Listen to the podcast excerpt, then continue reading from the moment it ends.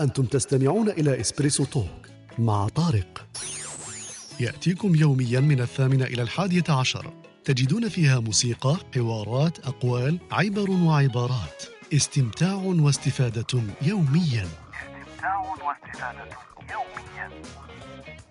صباح الخير عليكم. أهلا وسهلا في هذه الصباحية إن شاء الله. مع Espresso Talk ورانا في العدد ال 41 donc أهلا وسهلا بكم آه، كاملين. آه، خونا يونس أهلا وسهلا بك. خديجة عبد الحق آه، امنو كال خوتنا هاجر أميمة. نستناو برك شوية ال- الإخوة الأخرين يطلعوا معنا إن شاء الله ونكملوا في ال- المحور تاع الحديث تاعنا لليوم اللي هو عن الجمال. إن شاء الله آه، نكونوا بدينا déjà مليح بالدندنات هذيك الموسيقية والتي أنا أعتبرها جميلة. دونك راح نلحقوا لهذيك النقطة ما هي معايير الجمال؟ ونحكيو إن شاء الله على على كل ما هو جميل آه، من جمال ال- الكون وجمال الروح جمال الإنسان في جمال الخلق والخلق. نحكيو على معايير الجمال وعلى النسبية في الجمال وما هي أهمياته وما هو سبب آه، أن يكون ال- الأمر جميلا لتحقيق ال- الأهداف والسعادة والغاية المبتغاة من من حياة كل إنسان. donc راح نحكيو شوية إن شاء الله على على تفاصيل في هذا الموضوع. نبدأوها أكيد بالتعريفات التي هي معروفة لكل شخص ولكل إنسان. وبعدين نروح إن شاء الله في الأمور العميقة شوية اللي نقدروا نشعبوا ونجذروا فيها. وأكيد آه، خونا حميد آه، يطرينا يطرينا اللقاء في في آفاق و- وموسوعات وتعاريف واحدة أخرى إن شاء الله. donc voilà نبدأ إن شاء الله بال basics donc ال- المتعارف عليها التعريفات. وبعدين ندخل إن شاء الله في التفاصيل وفي في نظرة كل إنسان لهذا المفهوم وهذا التعريف. نرحبوا بخونا حميد التحق بنا للتو. أهلا وسهلا بك. صباح الخير حميد. بخير السلام عليكم. كيراكم دايرين وش راك حميد؟ بس كيراك داير طارق سوا أنا حميد هو التعريف للجمال. الطلة البهية تاع حميد تضفي على اليوم جمالا. بارك الله فيك. وش رايك لاباس؟ كيراكم صافا شوية. والله الحمد لله. أخباراتك أحوالك؟ بديتها ولا مازال بدك تستنى؟ أنا نستنى فيك أنا في في طلتك البهية كما قلت لك آه نستناو الجماعه كاع كنت كنت نقول لهم قلت لهم نستنوا شوية يلحق بينا خونا خالد و- وأختنا وهبه إذا تسنى لها الأمر ونكملوا إن شاء الله في الدردشة تاعنا. أهلا وسهلا بك آه، التحقت بنا أختنا مريم وأختنا خولة. آه voilà وخونا بادي donc أهلا وسهلا بكم في هذا الصباح كما قلنا نحكي على محور محور الجمال الذي ندندن حوله ان شاء الله في هذه الصباحيه من من الان إلى غايه الحادية عشر تقريبا وراح نحكي إن شاء الله في كبسولة أدبية إلى تسنى الأمر وخونا محمد يلتحق بنا كما درنا الخطره فات في عن مفكر ولا أديب جزائري يحكي لنا عليه التعريف تاعو. وأكيد خطنا وهبه لما تجي في الكبسولة الثقافية اللي تحكي لنا على أمثلة شعبية قد يكون لها علاقة بالمحور تاع الحديث تاعنا اليوم الجمال. sinon نشوفوا مع خونا خالد كذلك في كبسولة العلمية ولا الأدبية. آه، حوايج اللي يمكن يضيفها منا باش نخرجوا بفائدة من الدردشة ولا من الصباحية. تاعنا تاع اليوم إن شاء الله. donc هذا هو محور ال- الحديث إن شاء الله اللي راح يدور اليوم. وأكيد في الأخر راح نفتحوا ال- المايك للناس يطلعوا معنا يدلونا بدلوهم في هذا الباب. كيفاش هما يشوفوا ال- الأمور الجميلة في الحياة وكيفاش يعرفوا الجمال وما هي نسبية الجمال عندهم. وكما قلت لكم إن شاء الله نكونوا خرجنا بفائدة من هذه الدردشة الصباحية. نديروا برك شوية موسيقى. يمكن حميد نستناو بضع دقائق ونكملوا إن شاء الله؟ آه okay. d'accord.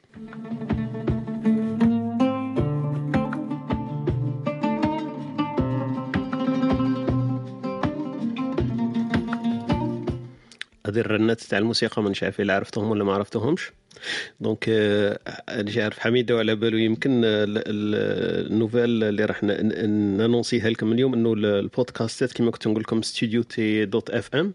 آه، كنا مبرمجين إنه في كل صباحيه نسجلوا ال- اللقاءات تاعنا الصباحية ونحطوها في البودكاست. فالبارح كان كان آخر بودكاست حطيته اللي حكينا فيه آخر بودكاست اللي حكينا فيه على الهدف. فكل البودكاستات الأربعين هما كاين 30 حلقة مسجلة. 30 حلقة مسجلة راني حطيتها البارح في البودكاست. donc أي بودكاست سمعتوه منا وفات تقدر تقدروا تروحوا تشوفوه في في الموقع تاعنا اللي هو studio T dot FM تلقاو كاع البودكاستات مسجلة كلها حتى الآخر واحد اللي درناه يوم الجمعة ولا يوم الخميس كان آخر لقاء معنا. فاليوم ثاني إن شاء الله اللقاء هذا يكون مسجل وراح تلقاوه إن شاء الله اليوم في المساء ولا آخر شيء غدا صباحا. راح نحط البودكاستات. فاخيرا لقيت الوقت وخصصت هذا ال week-end هذا كملت قاعدين البودكاستات ريتيتها وحطيتها في في الموقع هذا. فهي مسجلة وأي واحد يقدر يسمعها ولا يعاود يسمعها ولا يعاود يبعثها ولا كما شئتم أنتم وفي الموقع تاعنا تقدروا تخلوا تعليقات صوتية. donc أي واحد عنده مثلا message حاب يبعثوا لي يقدر يضغط برك على المايك هذاك يسجل الصوت تاعو يبعثوا لي بطريقة سهلة زعما ماهيش حاجة compliquée كاع. تقدروا ديروا لي اقتراحات ولا عندكم تعليقات ولا عندكم أمور حابين تضيفوها ولا تقدروا تبعثوها لي في الموقع هذاك studio tiret T dot FM ولا تقدروا تروحوا في في سبوتيفاي تحوسوا على البودكاست تاعنا تلقاه ولا في ابل ابل بودكاست ولا في جوجل بودكاست ولا قاعدين طابيو برك ستوديو نقطة T ويخرج لكم إن شاء الله في, في جوجل طابيو ستوديو نقطة T بودكاست ويخرج لكم إن شاء الله. تحبوا تزيدوا طارق من بعد هكذا باش ي afficher لكم plus simple ديروا ستوديو نقطة T بودكاست طارق يخرج لكم الموقع تاعنا وتلقاو فيه كما قلت لكم كل شيء وتقدروا ديروا تعليقات تقدروا تبعثوا ميساجات اقتراحات عندكم مواضيع مثلا تحبوا نحكيو فيها ولا تعلقوا عليها تقدروا تسجلوا الصوت وتبعثوه لي لحقني مباشرة. هذه برك النقطة اللي حبيت نقولها لكم ولا الإعلان اللي حبيت نديروا لكم باللي البودكاست راهم à jour إن شاء الله. ولا نخليكم شوية مع شوية موسيقى هذه قبل ما ننطلق إن شاء الله في صباحيتنا اليومية إن شاء الله.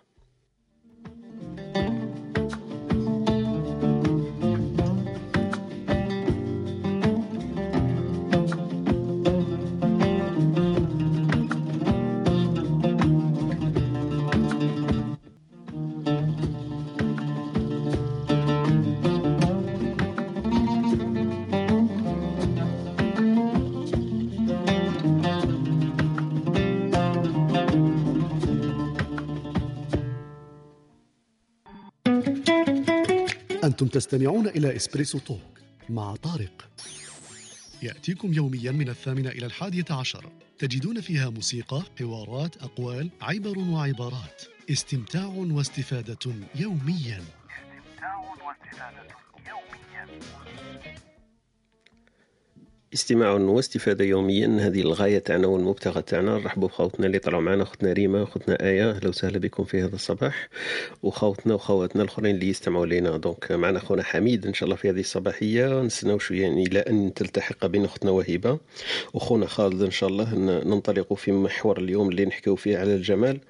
أه قدام لا ننسى حميد الدندنات ولا ال ال النوطات هذه اللي كنت تسمع فيها. يا درا عجبتك في, البودكاست ولا واش رأيك قبل ما نكملوا هذه ولا هذه اللي تفوت هذاك؟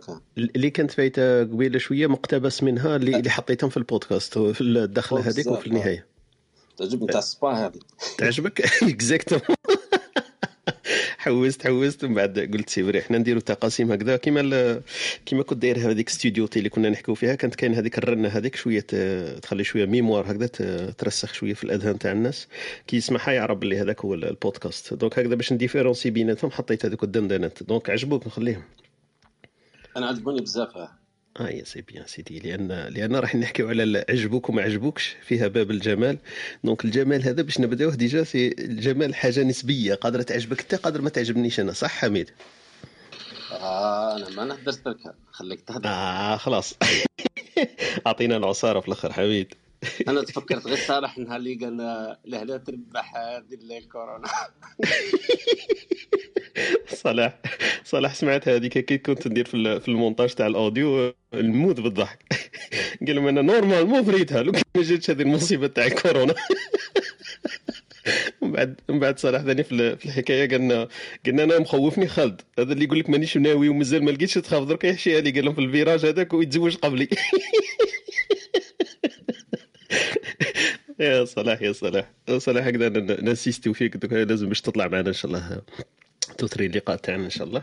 donc نبداو على بركة الله. كما قلت لكم راهي نحكيو إن شاء الله في المحور تاعنا اليوم هو محور الجمال.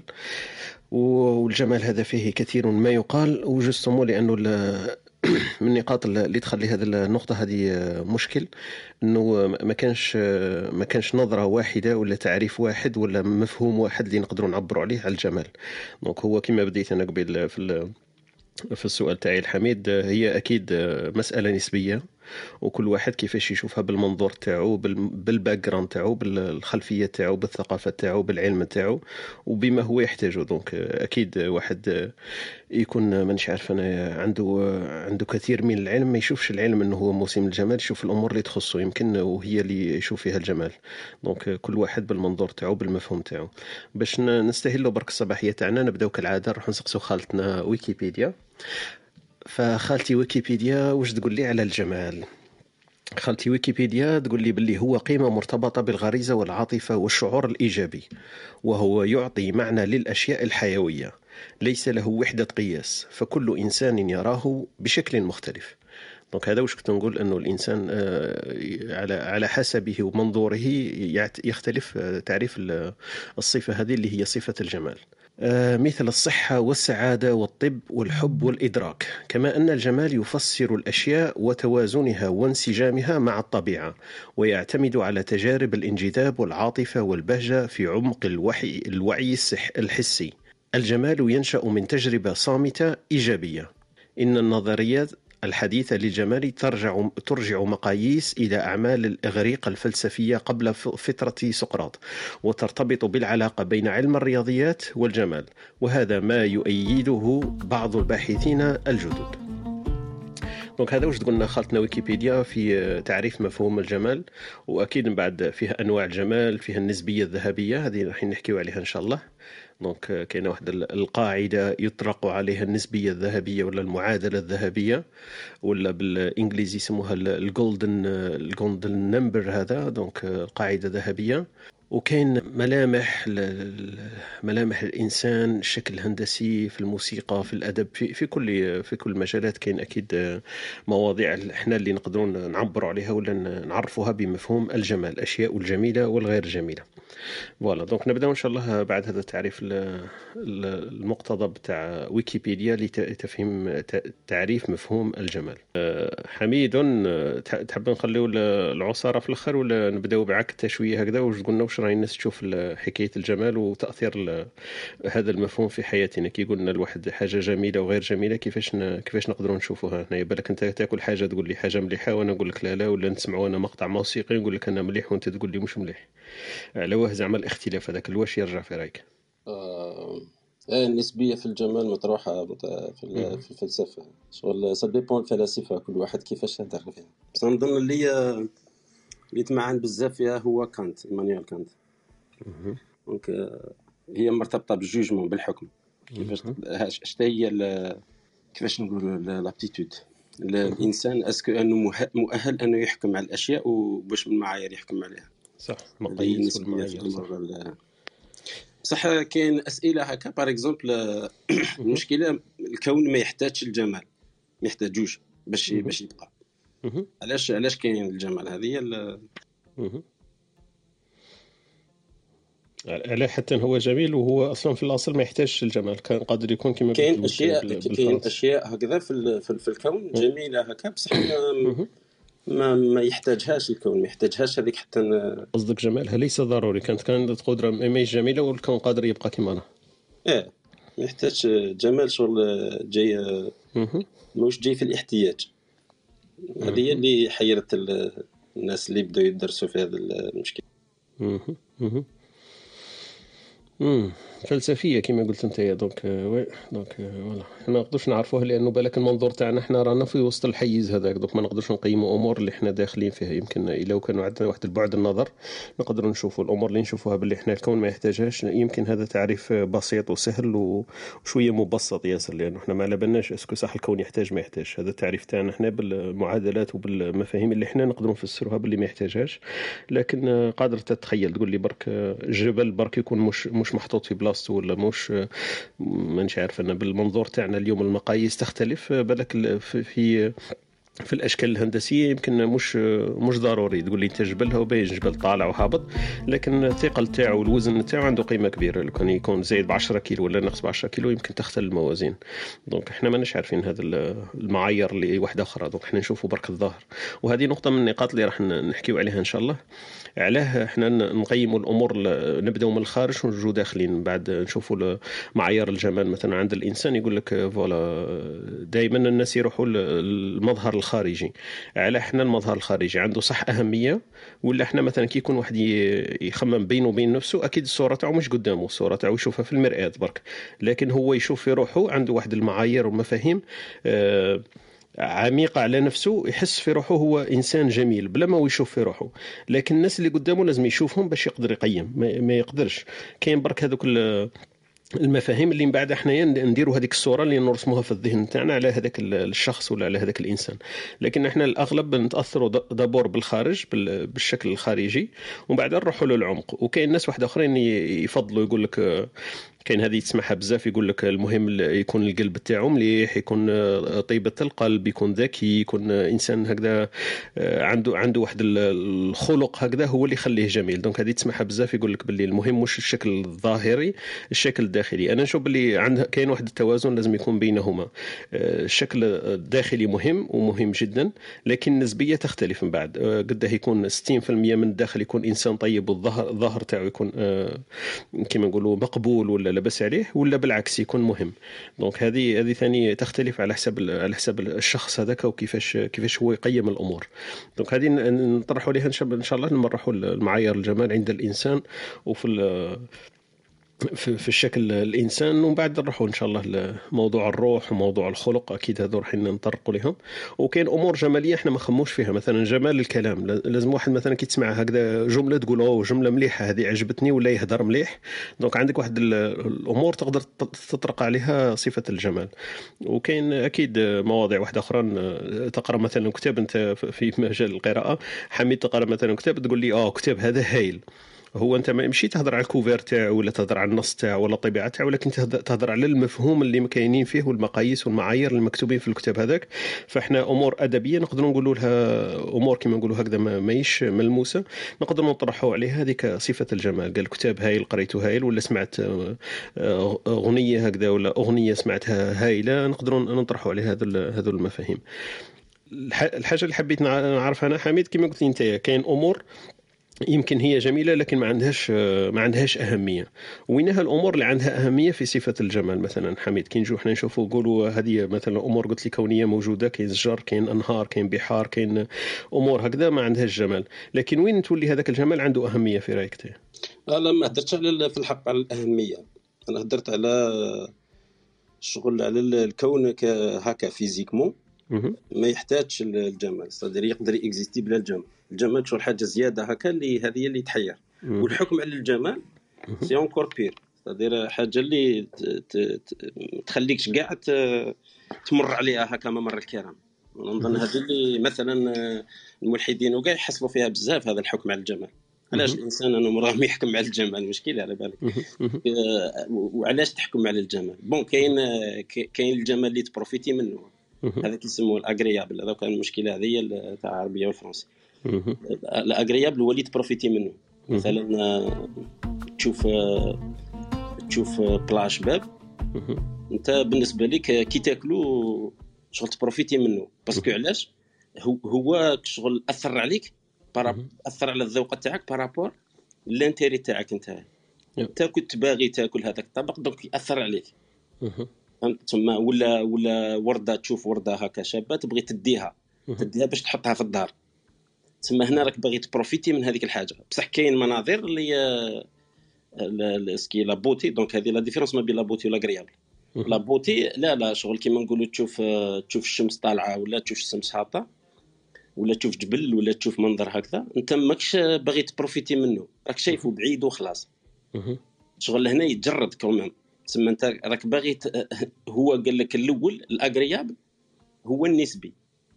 صح؟ مثلا تشوف تشوف مش عارف تيشيرت شباب هكا اصفر من بعدك انت ما يعجبكش الاصفر بصح أنايا ن profiter من هذاك الاصفر parce que عندي راني عارف باللي الاصفر يخرج عليا واحد اللق- اللقطة صرات لي مرة هكا نعرف كيف باللي في التاريخ تاع راسي على بالي باللي إحنا profiter من هذاك الاصفر donc انت تبقى subjective عندي ذاتية.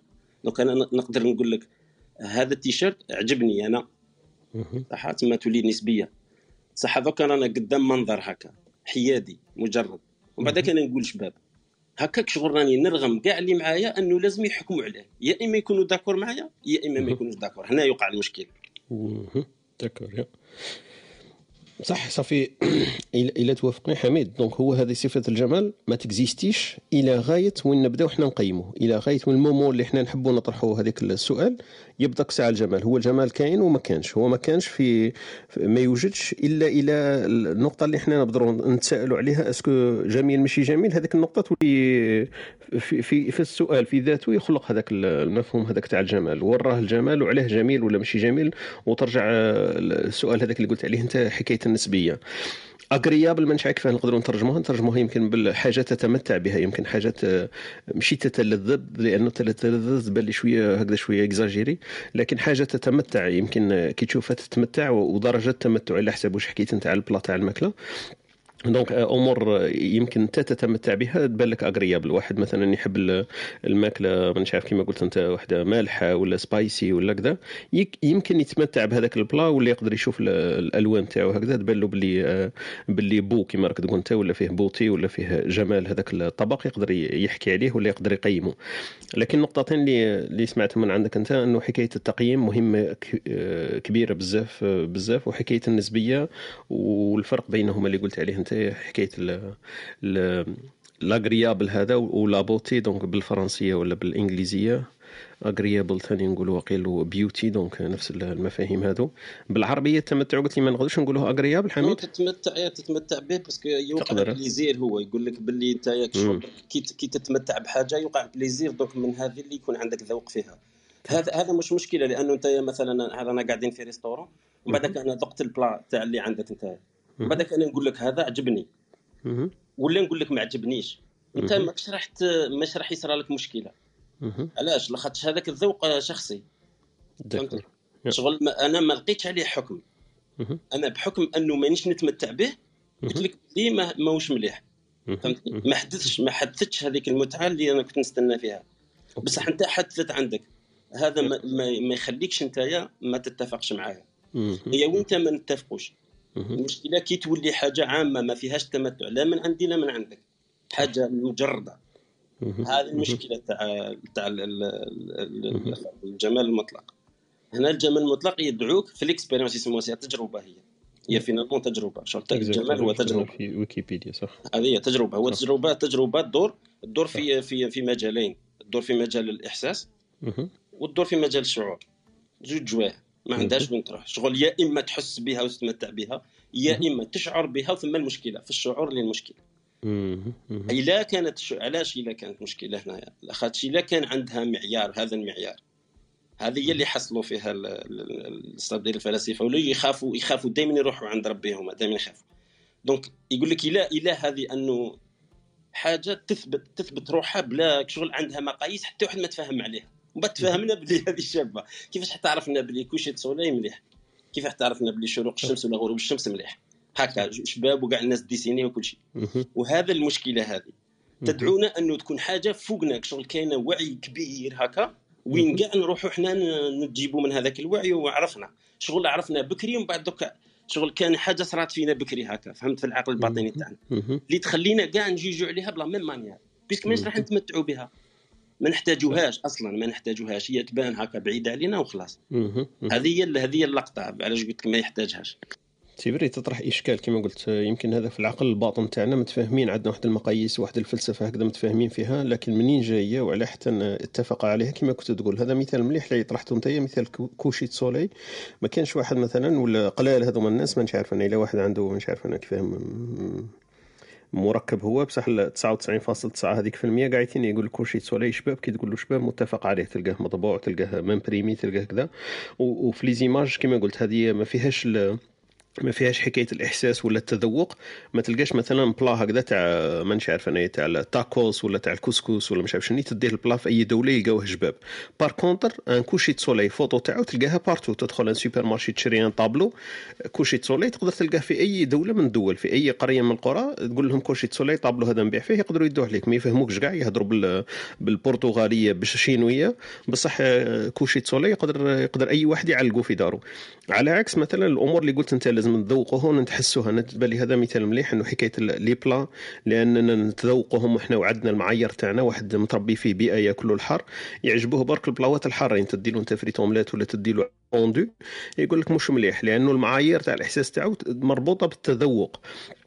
امور شخصية ليه هو. على عكس الأمور كما قلت الكبيرة. لكن منين جايبين إحنا هذيك الفكرة إنه coucher de soleil متفق عليه إنه أمور بعيدة علينا وما تأثرش في الحياة تاعنا وما تأثرش في في الشعور وفي المشاعر تاعنا ما, ما نقدروش ما نقيموها ولا نتفاهموا عليها إنه إسكو جميلة ولا ماهيش جميلة. نرحب برك بخوتنا اللي تحقوا بنا. خوتنا بايا أهلا وسهلا بك. خونا منصوري خونا كمال الحريزي أهلا وسهلا بك. خونا إيوب معنا خوتنا ريان. آه، أحمد ووهبه أهلا وسهلا بكم في هذا الصباح. معنا كذلك خونا عقبة خونا عمر خوتنا هاجر صلاح ويونس وأميمة في هذه الصباحية. نحكي إن شاء الله على محور آه، اللقاء تاعنا ولا الدندنة تاعنا ولا الدردشة تاعنا الصباحية هذه. نحكيو على محور الجمال. كيفاش اتفق الإنسان على أن يكون شيء جميل وغيره غير جميل. وراهي أوجه الاختلاف والاتفاق بين بين الإنسان وبين بين البشر بصفة عامة في في هذا المفهوم وفي هذا المعيار. الأمور اللي نلقاها أنا بالك جميلة واحد آخر يقول لي لا ماهيش جميلة ولا ما تعجبنيش كما كان يقول لنا خونا حميد. وشرح لنا باللي كاين كاين فرق بين الإحساس والشعور. وين يدخل فيها الشعور؟ تكون الأمور شوية م- مخربطة كما قال هو. donc شوية ما نتفقوش في أمور لأن الشعور هذاك يذبذب شوية هذا المفاهيم اللي إحنا مش مشتركين فيها. voilà voilà. donc آه، حميد آه، قلت لي donc آه، الشعور هو اللي اللي راح يدير لنا يدير لنا المشكل هذيك ويدير لنا ال- الأمور المتفق عليها نقدروا نتفاهموا فيها قاعدين. لا إلا كيما قلنا شغل الجمال المنظر الجمالي ولا حاجة اللي فيها الجمال دائما هي تجربة. هي تجربة تدعوك على الحكم. لازم تحكم عليها. كيفاش راح. صح. أو جا خالد. السلام عليكم خالد. يا خالد كيف حالك وأحوالك؟ راك بعيد لا نستمتع بصوتك الجميل. هكا تسمع فيا آه هكذا راك زدت جمالا عن جمال سيدي. ربي يحفظك. وش راك يا خالد؟ ربي يحفظك. وش راح حوالك الحمد لله. شكرا نتوما؟ صحتك بخير. لاباس الله يبارك فيك. يا سيدي أهلا وسهلا بك. عقبت week-end week-end جميل ولا والو؟ آه week-end هايل. آه يا مليح سيدي. استمتعت. ارتحنا شوي. آه يا سيدي مليح هذه هي راني كنت. نظر أنا و- أنا وك- أنا و- وحميد وقلنا الأمور التي تستمتع بها والتي تشعر بها وهذاك هو الفرق بين الجمال آه. آه، هذه الاستمتاع وقيل قلت لك قبيل agréable حميد مش هي استمتاع تمتع؟ c'est اللي هو اللي قلنا عليه قلنا التمتع هو ال agréable صح؟ ال agréable هو التجربه التجربه اللي تدخل فيها في الجمال اللي. تحدث فيها المتعة آه يا. زعما معناتها راح تستفاد بها direct راح تستفاد صح ولا. indirectement حتى كي تشوف. إلا شفت طابلو هكذا فيه. مرسوم فيه مرسومة فيه مثلا بلاش يا. ولا. فاكهه مم. انت انت بالوعي تاعك راك عارف باللي هذيك الفاكهات انت تعرف الذوق تاعها تعرف صوالح donc. تحدث وكأنه انت ت simuler متعة في راسك donc هنايا ماهيش هذا هو l'agréable هذا ماهوش ماناش نحكموا على الطابلو من من من الجانب الفني تاعو. رانا. نحكموا عليه من الجانب الذوقي ماشي كيف كيف. هذه هي. l'agréable la beauté c'est autre chose فهمت؟ OK. يا الله يا كريم. donc خالد التحق بنا نواصل الدندنة تاعنا. خونا خالد كنا نحكيو على مفاهيم قلنا نبداو من ال basics نبداو بالأمور القاعدية نعرفوا ما هو ما هو الجمال وجمال الروح جمال الكون جمال الإنسان والخلق وهذيك المفاهيم. وحكينا شوية على خالتنا ويكيبيديا وش قلنا في مفهوم الجمال وعرفنا باللي نابع عن تجربة. donc والتجربة هذيك تدعو إلى الحكم كما قالنا خونا حميد درك. التجربة التي هي على أساسها يمكن نحكمه donc الجمال هذا حميد قبيل قال لي قال لي الكون هذا فيه الجمال لكن الجمال هذا ما يحتاجوش هو normalement الكون هذا. قادر معناها الأمور ماهيش ضرورية للجمال لوجود الكون. هذا التعريف تاعو هو اللي قالوا donc لكن أنا وش وش ظهرت لي من من النقاش تاعي شوية مع خويا حميد. قلت له هو الجمال موجود لكن موجود برك لما نطرح السؤال في حكاية التقييم. هو موجود لكن مش موجود إلى أن نطرح السؤال. كي نطرح السؤال ونقولوا هذا هل هذا جميل؟ مش جميل. يبان لنا من بعد الجمال لأنه هو موجود موجود. لكن حكاية المعايير والتقييم تختلف من فرد إلى آخر. donc مثلا واحد يفضل ما عارف أن الأمور الأدبية يقدر يقرأ نص هكذا يقول لي هذا نص جميل. لكن هو عنده المعايير يفهم هذاك الأمور الأدبية فيقدر يقيم هذاك النص هذاك يقول لي هذا بيت شعر جميل من أجمل ما ما سمعت ولا ما قرأت هذا هو البيت. واحد آخر ما, ما يشوفش هذاك الجمال تاعو يقول لك أنا راني نشوف فيها كلمات مترابطة وسمعت كما هي وما يشبهها وما يتشابه معها مانيش شايف أن الجمال فيها. donc تختلف من من شخص إلى آخر وهذه هذا المشكل اللي طرحنا قبيل أنا وحميد ثانيك أمور نسبية. donc est-ce que النسبيه إحنا 99% هذه كان متفاهمين فيها ولا مش متفاهمين فيها؟ هو قال لي لما ما يكونش كاين فيها شعور نقدروا نتفقوا عليها. مثلا حكينا إحنا على على البلاوات. بالعكس ماشي الإحساس ولا شعور قلت لي أنت؟ إذا كانت في مجال المتعه اللي نعرفوها إحنا نتمتعوا بها راح تكون في مجال الاحساس لاخاطش نحسوا بها صح؟ السونسيبل اوني سونسيبل بارابور سا معناتها في la sensibilité تاعنا راح نتوشوها direct soit معنوية ولا ولا ولا ولا حقيقية هكا صح؟ هذه راح نختلفوا فيها وماش مشكلة كي نختلفوا فيها ما عندناش مشكلة. خاطر علاش كي نختلفوا فيها؟ تبقى نسبية ومش راح وهذاك الخلاف تاعنا مش راح يدير نزاع بيناتنا. عادي. كل واحد يتقبل أنه الذوق تاع الآخر وعلى من هذه ذيك ال expression تاع les Français يقول لك les goûts les les couleurs ne se discutent pas علاش يقول لك هكذا؟ من بعد يقول لك يسخر منهم الفيلسوف نيتشه يقول لك يقول لك les goûts les couleurs ne se discutent pas بصح on fait que ça finalement الناس؟ الناس من الصباح للعشية ويقول لك هذا شباب هذا شباب ويسيب فرض رايه هنا ça sert à rien تفرض رأيك parce que affaire نسبية. أما اللي متعلق بالمطلق اللي هو ما تحدثش فيه المتعه حاجة اللي كبيرة علينا. ما بعيدة علينا ما مجردة. كما قلت أعطيت المثال تاع مثلا coucher de soleil ولا lever de soleil مش شروق الشمس ولا غروب الشمس ولا جبل الشباب ولا ولا الفن بحد ذاته. هذا سؤال واحد آخر. المهم هذا هنا يدخل المطلق. وهنا اللي وكانه وكأنه هكا بهذه العبارة وكأنه متفاهمين إحنا باللي هذا شباب. كاين pourcentage صغير اللي يقول لك ماشي شباب ولا ما يكونش متفق وال pourcentage الكبير هذاك للآن ماناش عارفين علاش رانا متفق هذه هي المشكلة هذه هي اللي OK OK. donc خالد استمعت إلى الملخص الذي فاتك ولم يفوتك بإذن الله شيء. donc سمعت وش, وش حكينا في هذه الصباحية. خونا خالد راح نروح نقول لك أجمل بيت شعري قرأته. قل لي تصعب فيها مع صباح. أعطينا مفهومك للجمال خويا خالد وأعطينا أهمية في الجمال في اتخاذ القرار يمكن بعد. ثانيك نرجع لها. ما هي المعايير لكل إنسان؟ أسكو يحتاج إلى الجمال في في اتخاذ القرارات؟ سكول المرة اللي فاتت لما حكينا حكينا على الهدف. donc euh, من الأمور التي يمكن يمكن نتخذها في اتخاذ القرارات تاعنا والأهداف تاعنا أنه أمور إحنا نشوفوها نسبية ونشوفوها لكن جميلة. أنا نشوف مثلا قرار تاع أنه يكون عندي بيت ونشري بيت والمال ونساعد الناس نشوف فيها باللي صفة جميلة. لذلك أنا درتها هدف من الأهداف تاعي. donc معيار هذا تاع الجمال يدخل في اتخاذ القرارات تاعنا. دونك أنت واش تقدر تحكي لنا في في هذا الباب؟ على بالي طويل عريض لكن نروحوا ليه غير بشويه برك نبداو من المفاهيم العامة ونجو داخلين شوية في العمق. بارك الله فيك. آه أنا نبدأ من واحد الكتاب كتبوه مرة تاع الجمال بين ال... بين الأدب والفيزياء. آه هذا الكتاب حابين يقارنوا رؤية الكل من العلميين والأدبيين للجمال. أنقسموا قسمان. كاين الأدبيين راحوا للجمال فيهم انقسموا ثلاث أقسام. آه كما نشوفوا الشعراء نتاعنا انقسموا إلى فيهم من وصف الجمال مثلا في في الطبيعة وذيك الناس اللي تبكي على الأطلال. وفيهم من وصف الجمال مثلا في الأخلاق هم شعراء الزهد مثلا. وفيهم من وصف الجمال في المرأة مثلا هم شعراء الغزل والحب وما إلى ذلك. تفننوا في وصف المرأة واعتبروها هي أصل الجمال. آه راحوا الفيزيائيين هو كتاب جميل جدا تقدر تلقاه في الإنترنت. الجمال بين الأدب والفيزياء. آه راحوا وصرا كل حوار في وسط الكتاب حوار بين بين الأدباء والفيزيائيين. آه راحوا ال- الفيزيائيين عرفوا الجمال بالتناظر. أي حاجة سيمتري راهي جميلة. أه تحاوروا معاهم علماء ولا أدباء الأطلال. أنا ذا قال لك هو منظر الطبيعة منظر الطبيعة هو هو جميل لكنه ليس متناظر. أغلبية المناظر.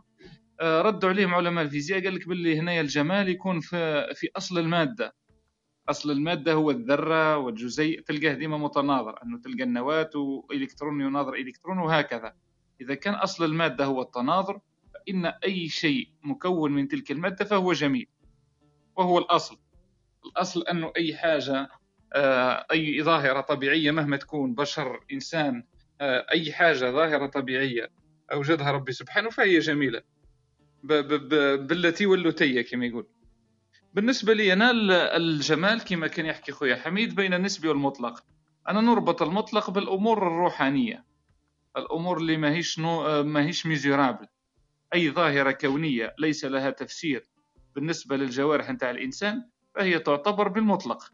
ما دامت مطلقة فهي لا تفسر. ما دامت لا تفسر فهنا يكمن جمالها المطلق. جمال النسبي بالنسبة لي أنا دائما يوصف بالتوازن. أو بالتناظر أو بالوسطية. فإذا اعتبرنا مثلا رحنا للأدباء وبدينا نفسره. إذا كان هناك آه، آه، جمال يربط بال- بالزهد فهي الوسطية. وإذا كان هناك جمال يوصف بالمرأة فهو فهو التوازن بين الداخل والخارج. وإذا كان هناك آه، جمال يوصف بالطبيعة فهو مطلق لا نسبية فيه. بارك الله فيك خويا طارق. يعطيك الصحة بارك الله فيك. قلت لي جمال النسبي آه، هو هذا التالي اللي حكيت عليه. والجمال اللي قبله هو الجمال المطلق صح؟ هذا الجبل مطلق إيه. جمال المطلق OK صحيت. أنا قلت يمكن هو ما الطبيعة ما جمالها مطلق. صح. exactement donc آه، تبان لي باللي أنت أنت وحميد متفقين في هذا الأمر. donc نفس الشيء. هو ثاني قال لك نفس الشيء. قال لك ال- الجمال المطلق هو اللي اللي فيه ال- اللي فيه ساعات الاختلافات وهذه مانيش عارفين منين جا بغيت غير الأحاسيس طارق؟ والجمال النسبي فكنا ن... يا حميد إيه، بغيت غير نقول أنا آه، باش. نهضر باللي الجمال النسبي والجمال المطلق هذا أنا كي هدرت عليه. ما هدرتش عليه من من عندي أنا أنا لا لا لا قصدي أنت جبت لنا المعلومة قصدي لا، لا, نحكوا على لسان حميد برك ماشي ماشي فكرة حميد يا يا. أنا كيفاش درجت كيفاش درجت. قلت لك زعما الجمال تجربه أنا كاع رانا متفقين عليها هذه بلي تجربة. شغل الانسان يدخل آه. فيها هكا مش عارف. لازم شغل محطوط هو مدعو في هذيك التجربة إنه يطلق حكم. صح. من من الفلاسفة اللي تفلسفوا مليح على الحكم على إطلاق الحكم وال وال وال هل الإنسان مؤهل انه يطلق الحكم؟ وب- وواش من معاي- معايير؟ هو إيمانويل كانت. وهذا التفسير تاع الحكم على الجمال. برك. فهمتني؟ هذا هو اللي يؤدي أنه كيفاش الإنسان يحكم على الجمال. فهو باش يفك النزاع هذاك. آه، جرب يعطيه هذا ال- هذا التفسير في الحكم. فقط مش في ال- في الجمال بحد ذاته أما الجمال بحد ذاته كل واحد كيف يحكي عليه صح. ولا OK OK يا آه، خالد تفضل تحكي ولا ولا أصبح اليوم علم علم. قائم بذاته علم. الجمال في الفلسفة. هو آخر تقدر تقول chapitre في الفلسفة اليوم هو علم الجمال علم هو الجمال أس واحد أس واحد ألماني أو. راح اسمه يا ربي آه علم أوكي. الجمال أصبح اليوم شابيتر كبير في الفلسفة. لانهم هضروا فيه هضروا فيه ياسر الجانب هذا. هذا الجانب مليح آه، نتحدثوا فيه من بعد طارق. هل هل الجمال هذا نقدروا. نتعلموه ولا ما نقدروش نتعلموه وبالتالي. إذا تعلمناه هل يحدث عليه تأثير وهذا التأثير قادر يكون سلبي وقادر يكون إيجابي est-ce que. نقدروا نمانيبيلو. نقدروا نمانيبيلو كيفاش نقولوا نمانيبيلو آه آه، نقدروا نغ- نأثروا. باش ناثروا ولا آه راحت لي الكلمة بالعربية لا نقدروا ن- المهم المانيبيلو راكم فاهمينها؟ نمانيبيلو وين نأثروا ولا نقدروا ن- هذا هذه ولا- إيه، هذه صح. ال manipulation كي تصرا في معايير نسيطروا كي تصرا في معايير ال- الجمال. كي تصرا في معايير الجمال اللي داخل في راسنا. على الحكم تاع الجمال اللي هو ماشي المطلق الآخر. واش يقدر يصرى نتحكموا يمكن صح. شكون اللي يستفاد بها الأول؟ كي يغير لك معايير معايير الجمال. شكون اللي يستفاد بها هو الأول؟ هذو الأشياء ملاح اللي خاطش يتوشوا ال- ما يتوشوش. زعما المعلومات ما يتوشوا direct الوعي. OK. donc إن شاء الله نجيو لهذه النقطة. هل الجمال يمكن أن يتع- يتعلم ولا لا يتعلم؟ وما هي مقدرة التحكم بعد في ال- في الشخص هذاك اذا إذا عرفنا كيفاش نسيطروا على هذه الحاسية وطريقة التعلم ولا الحكم على صفة الجمال؟ voilà هذه النقطة راح تجي. لكن justement منين منين حبست أنت حميد؟ حبيت أن نكمل علاه حنايا عندنا مثلا تأثيرات ولا مؤثرات خارجية تخلينا ن- صفة الجمال ندوها ل- الجهة مثلا ولا لجهة واحدة أخرى. نحكوا مثلا على ال- الأمور اللي إحنا نقدروا نشوفوها ال visuel. هذه الأمور ال- ال- اللي نقدروا نبصروها نبدأو بها لأنه هي شوية سهلة وسهلة في الحكم. لو تحط مثلا صورة تاع شخص هكذا قدامه وتعمل عليها تجربة آه، مستحيل إنه كل الناس تجد مثلا هذيك هذيك الصورة بنفس طريقة ال- الجمال ولا ال- ال- الأمور اللي تحكم عليها مش نفسها. donc إحنا ال- المؤثرات تاعنا وين هي اللي نقدروا نسموها مؤثرات. كيف إحنا نقدروا نحكموا على الشيء جميل ولا مش جميل؟ أنا اللي تبان لي تبان لي باللي المؤثرات الخارجية اللي نعيشوها donc ال- الوسط الطبيعي اللي رانا عايشين فيه يقدر يكون عنده تأثير. مثلا واحد عايش في في صحراء يشوف باللي النخلة من أجمل الأشجار التي كاينة في الكون. لكن واحد آخر عايش في في بلد ما فيهش قاعدين. النخلة مستحيل راح يلقى لك النخلة هي أجمل شيء.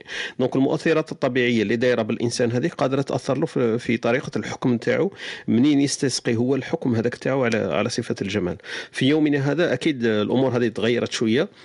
لأنه دخلت فيها ال- الم- الموضوع اللي حكينا عليه حكاية التواصل. فدخلت شوية أنه كل شيء أصبح قرية صغيرة ونقدر نشوفوا اللي كاين ما عندنا واللي ما عندناش. donc حكاية الإعلام وطريقة آه، التأثير في في عوامل هذه اللي إحنا نحكموا بها على الجمال. donc تلعب دور في بالي. أنا ما نقدرش نستهزئوا بها ونقولوا لا لا لأنه رانا عندنا واحد ال- ال- القصف إعلامي اللي قال لي عليه ذيك النهار حميد. عندنا واحد القصف إعلامي يقولوا لنا ها هو راه كيفاه يكون رب البيت الجميل لازم هكذا ويدخل ويخرج ويصباح ويشتغل وعنده سيارة وعنده عمل ويروح على السبعة ويرجع السبعة. والأم تاع البيت لازم تكون هاك وما تكونش هاك البيت المنظم ها وراه كيفاه يدير كيفاه يدير. donc هذوما واحد المعايير حطهم لنا في راسنا بلا ما يقولوا لنا لكن حطهم لنا في راسنا بطريقة غير مباشرة. حبوا يفهمونا كيفاش يكون البيت السعيد الجميل ولا الرجل الجميل ولا المرأة الجميلة ولا الابن التلميذ الجميل الطالب الجميل المعلم الجميل الشارع الجميل المدينة الجميلة. عندنا واحد المعايير هكذا مقاييس حبوا يأث... كما نقولوا يرسخوها في بالنا. وتبان لي باللي هذه شغل طريقة هكذا فحبينا نرجعوا. هذه النقطة اللي حكينا عليها باللي حبينا نرجعوها standard. راح نرجعوها شغل آه، échelle هكذا مقياس ونمشيو عليه. donc هذا هو تعريف تعريف الرجل ولا السيارة ولا البيت ولا الأمور هذه اللي اللي visuel يعني نحكيو على الأمور اللي نقدروا نشوفوها ونبصروها. ما نعرف واش واش تقولوا في هذا الباب؟ أنتم حميد ولا خالد؟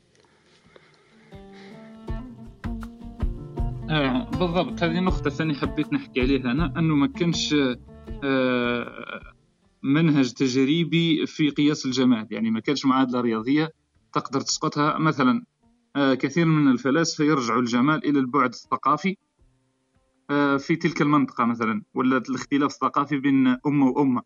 مثلا كان بكري يعتبروا أنه آه مثلا حتى في الرسوم مثلا نحت مثلا جاي من آسيا أو من إفريقيا لا يقبل مثلا آه، في أوروبا وفي أمريكا وهكذا. مثلا حتى في بيئتنا نحن اليوم كان بعض الألبسة قبل تبان تدعو للتخلف. اليوم ولت هي الموض آه، ال- ال- البعد ال- ال- السياسي أيضا. قادر يقيس قيمة الجمال. لقوا أنه السياسة قادر آه، قادر تتحكم في طبيعة الجمال تاع مثلا سيمفونية معينة ولا لوحة ولا حتى ولا حتى شخص معين. ولا آه، طبيعة قياسه الجمال آه، حبيت نقول أنه ما كانش معادلة رياضية لأنه حتى العلم هذا اسوه بده يحوسوا على على القواعد نتاع تشكيله ولا حتى على فلسفته. آه، مازالوا ما لقوش ستونداريزاسيون باش كي يابليكيوها على جميع المجالات. من حيث كما حكينا قبيلة من حيث آه، الخلق من حيث حتى ال- الفن تاع قياس جمال من حيث حتى ال- آه، الأشكال. آه، هزوا سيمفونية معينة. وأسقطوها وحاولوا آه، ما عرفوش اسمها التجربة يا ربي راحت راح اسمها آه، أسقطوها على اثنين من الناس ولقوا تجارب مختلفة تماما. بتطبيق واحد لي لوا واحد نفس les conditions واحد كذا لقوا تجارب مختلفة تماما. وبالتالي ما كانش حاجة standard نقدروا نسقطوها هنا باش كي نعرفوا هل هذا آه، الشيء أو الشخص أو أي شكل جميل ولا لا. هذا برك اللي حبيت نزيد. كاين بارك الله فيك يعطيك الصحة. خالد تفضل حميد. كاين يقدروا يديروا بالتجارب ستادير يسموها امبيريك ولا ما نعرف كيف يسموها بال- بال- بالعربية. كيديروا بزاف التجارب من بعد يقدروا يستخلصوا منهم شنو هو اللي مشترك ما بين الناس. من بعد يخرجوا منه قواعد منهم. كاين هذا التناظر اللي كنت تهدر عليه. كاين آه، لي مات يقدروا يدخلوا بزاف مرتبطة الرياضيات بال بال- بمعايير الجمال. بصح هذاك ال- الجمال c'est l'esthétique c'est التجميل c'est-à-dire انت عندك حاجة تقدر تصنع منها حاجة وين ترجعها ميكانيك باش تقدر تصنع منها بزاف صوالح شابين مثلا واحد من les critères تاع ال design لو كان هنا مع أمين لو كان نهضر فيه مثلا cuteness tout ce qui est mignon هكا و tout ce qui est mignon normalement من عند الطفل الصغير وعند الطفل الصغير كل شيء مدور. donc على ذيك اللي كاين هذاك les coins تشوف انت مثلا les icônes تاعنا هكا في les applications كاع تقريبا كاع يجوا مدورين كاع اللي يجوا مدورين هكذا عندهم حاجة تتوشي تخلي تستعطف الحكم تاع الجمال تاعنا هذه اللي الشغل كاين واحد صوالح يستعملوهم في, في ال design en tout cas باش باش يقدروا يصنعوها وترجع industrie تاع جمال بصح ال artiste ال artiste تاع الصح كي يرسم حاجة ما ما عندوش هو حتى الإمكانية أنه يعاودها. ما هوش عارف علاش صنعها هكذاك. هذه اللي هذه اللي تخرج كاع والناس كاع يبداو تقريبا آه، يبداو d'accord باللي هذيك الحاجة شابة ويرجع هو ال artiste مخير كاع c'est normal. OK بارك الله فيك. آه، نقطة مليحة هذه تاع ال cuteness في ال design أنا ما كنتش على بالي بها. حاجة cute وحاجة مدورة donc آه، علاوة مدورة. donc آه، تبان لي إنه آه، voilà. donc آه، c'est vrai كي تشوف الألعاب تجي تشوف ال- الأمور هذه تلقى بلي الأمور اللي ما فيهاش ال- القرنيات بزاف اللي ما فيهاش الحواف والحواشي. donc هذيك اللي بالك يستسهلها الطفل في حكاية اللمس يمكن ولا ما تاثرش ما عندوش يمكن هو la bibliothèque visuelle ولا sensorielle تاعو تاع الشعور هذيك الإحساس تاعو يمكن مازالها مازالها شوية basique فالأمور هذيك تجيه أسهل. مليح مليح. donc إحنا وين نوصل نوصل إنه المعادلات آه، اللي يمكن نحدوا منها معيار القي- القياس تاع الجمال مازال غير موجودة خاصة في الأمور اللي ما نقدروش ن- نميزوريها donc الأمور اللي ما نقدروش نحطوا عليها علامة ولا نقطة باش نتفاهموا فيها باللي هذه هي معايير الجمال. donc هذه آه، لحقنا لها نعاودوا نروحوا برك يمكن حكاية التقييم تاع الجمال في في اختلافات تاعو ونروحوا الأمور اللي شوية بالك فلسفية ولا من بعد تولي أمور حتى شخصية؟ قال تقييم الجمال est-ce que الجمال الظاهري ولا الباطني يكون أحسن؟ est-ce que المعايير هذيك عندها أهمية في الاختيارات تاعنا. لما نجي نشوفوا مثلا في اختيار شخص ولا اختيار لوحة ولا اختيار سيارة est-ce que من المهم جدا أن يكون هذاك الجمال اولا يكون آه، ظاهري يكون آه، حاجة نقدروا ن- كما قال لك قبيل حميد نقدروا نمي- نميزوروها نقدروا نقيسوها. مثلا سيارة راح نشري تاري سيارة. est-ce que إحنا كي نكونوا راح نخيروا سيارة نخيروها على la marque تاعها موديل ولا على الموتور تاعها ولا على ال design تاعها. قال أنا راح نشتري سيارة راح نشتري. عندي مبلغ من المال مش كاع مشكل هذاك دراهم لكن كي نجي درك نخيرها نديروا باللي عندي بيجي مش محدود فيه مثلا 100 ألف أورو راح نشتري سيارة. وينها الأهمية؟ درك اللي نعطيها. نعطيها ال design الظاهري ولا نعطيها الأمور الداخلية؟ قال الموتور تاعها ولا puissance والأمور هذه. ولا كيفاش نقيم أنا؟ نقيسه مثلا على سيارة لأنه هذا نق- يمكن نقدروا نقيموه مثلا في في أمور واحدة أخرى. donc مانيش عارف أنا est-ce que الأهمية نعطوها إحنا الأمر الظاهري في حكاية الجمال في التقييم ولا نعطوها الأمور ال- الداخلية. يمكن آه، مانيش عارف أنا نهضروا بصفة عامة لأنه هذا كما كنا نقولوا قبيل ترجع في أمور أمور شخصية. قال واحد آه، يحب ال- ال old timer أكيد راح يشوف الظاهر ويقول لك الموتور سهل حتى الموتور مخدوم عنده 70 سنة نقدر نرقعه نقدر نخدمه كذا لكن ال old timer عندي أهم من نشتري آخر سيارة تاع فيراري خرجت في 2019 مانيش عارف أنا واش تقدروا تقولوا لنا في هذا الباب. تجربة غير صغيره برك. تخيل أنت exemple تشري حاجة. صح. ولا مازال ما. تشريهاش. صورتها وبعثتها ل مهم. 10 من صحابك. صح؟ أنت ما شفتهاش باللي مليحة شغلك خايف بس انت راك راح تخلص. d'accord. إنك داخل في التجربة شوية شغل بعيد على الجمال ولا لا؟ لا. دوك أنت تبعثها لصحابك من بعدك تخيل عشرة منهم كاع يقولوا كاع العشرة يقولوا لك باللي هذه شابة بزاف. أنت شابة غير يصرى لك.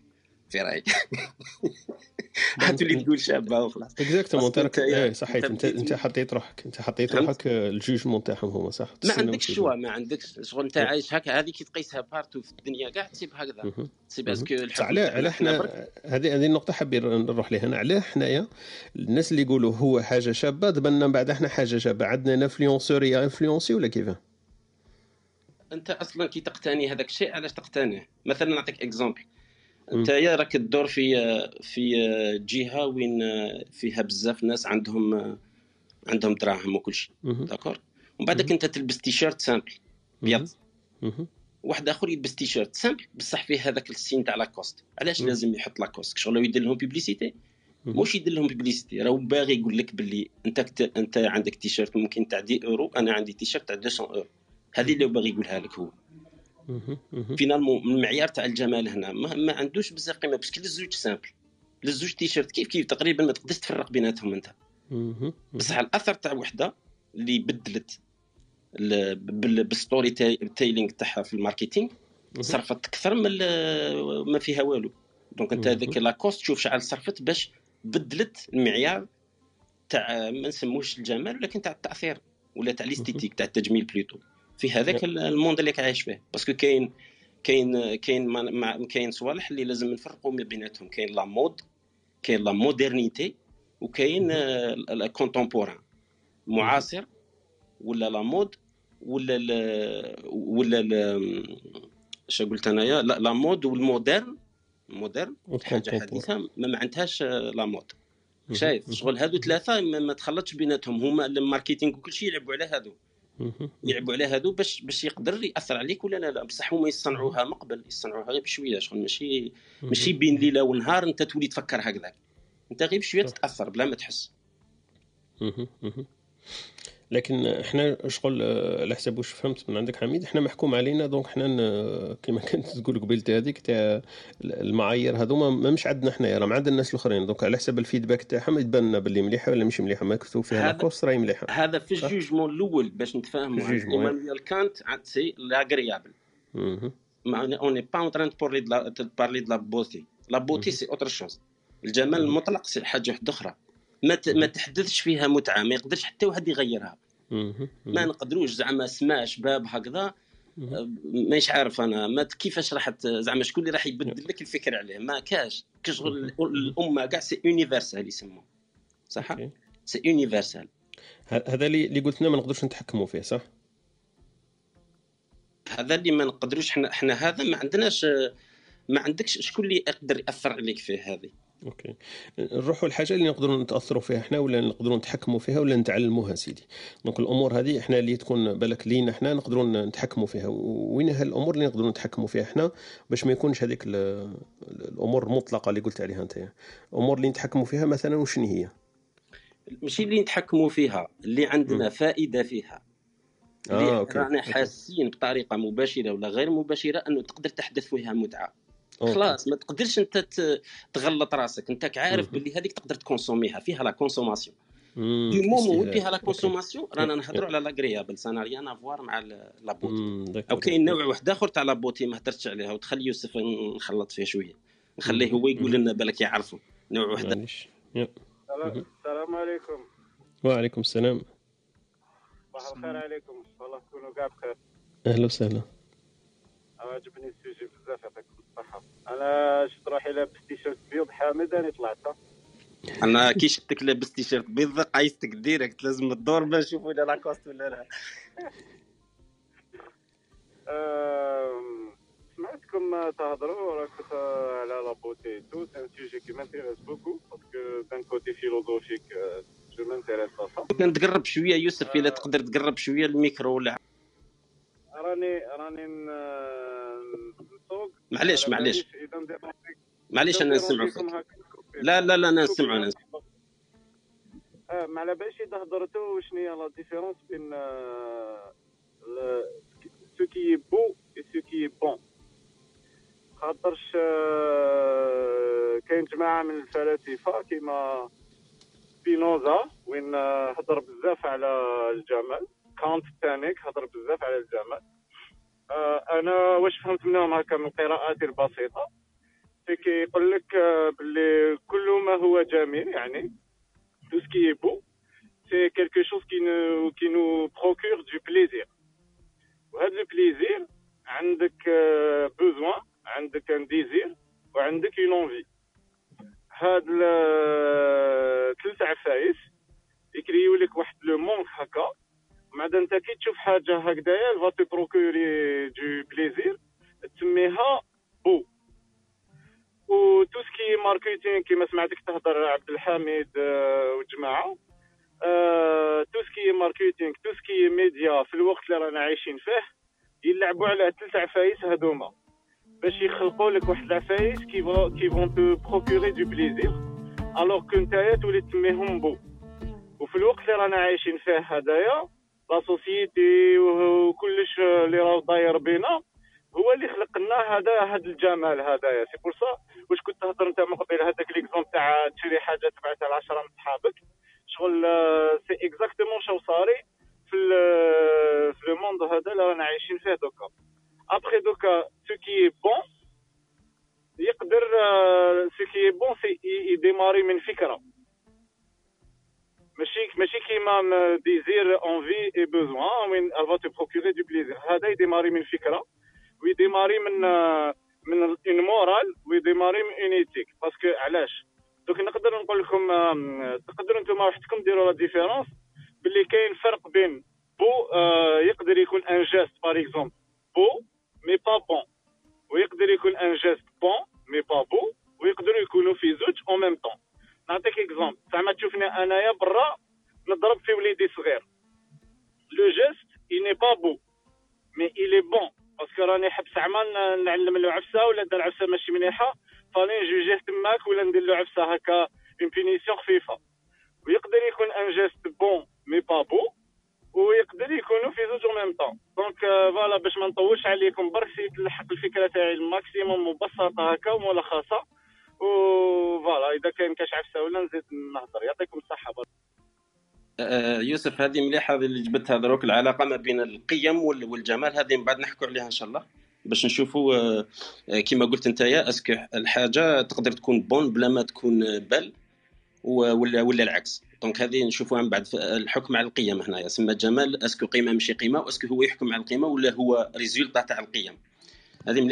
exact يعطيك الصحة أخويا يوسف آه، أهلا وسهلا بك. donc آه، voilà ت- كيما قلت أنت راك لحقت الفكرة ب- بطريقة مبسطة وإن شاء الله اللي معنا ثاني يكونوا يكونوا استفادوا ولحقتهم الفكرة تاعك نزيدوا نرحبوا بخوتنا اللي التحقوا بنا مؤخرا خوتنا أمال خونا عبيد خونا منصوري خوتنا مروة خوتنا نسيمة خوتنا بايا معنا كمال أحمد وهبة آه، موسى أهلا وسهلا بكم يونس هاجر خالد آه، سفيان ياسمين ياسين خونا عقبة صلاح وأميمة أهلا وسهلا بكم التحقت بنا أختنا ثانيك أمينة.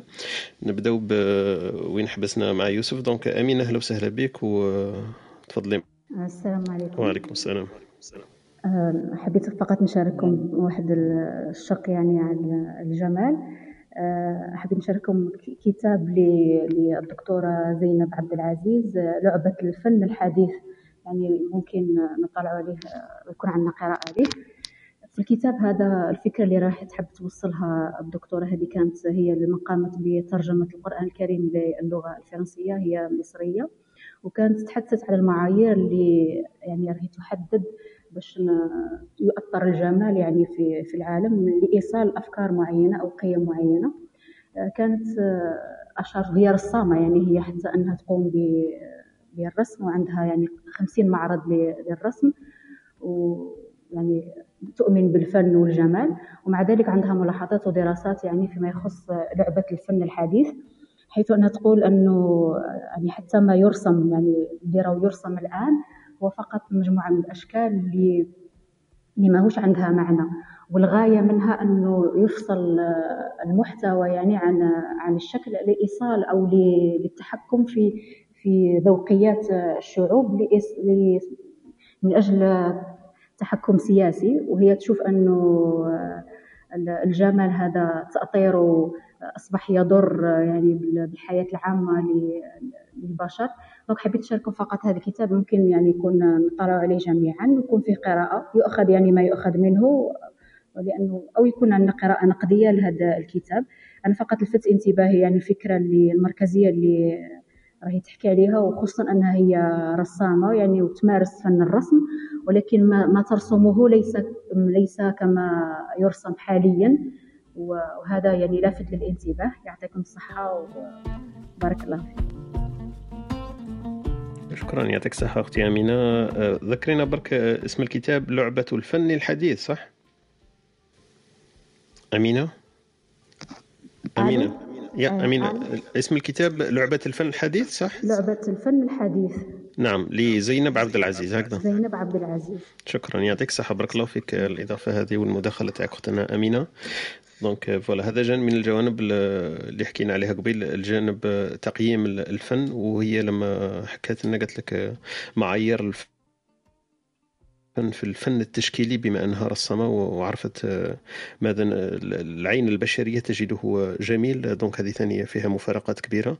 وقالت لك آه، أنه آه، التحليل تاعها لهذه النقطة اللي نحكي عليها اليوم هي الجمال في في في- فيما نراه ولا فيما نرسمه وفي فيما إحنا نتذوقه ونقول بلي حاجة جميلة ومش جميلة.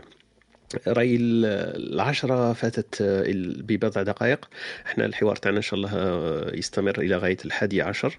ممكن آه، نشوفوا إلى أخونا أخونا خالد يلتحق بنا ولا أخونا محمد في كبسولته الأدبية ولا العلمية. نديروا إن شاء الله. ولا اختنا وهبه تبعتنا بالامثله الشعبية اللي متعودين عليها في كل صباح. نديروا برك هذا الفاصل القصير ونواصل الدندنة تاعنا إن شاء الله حول محور الجمال.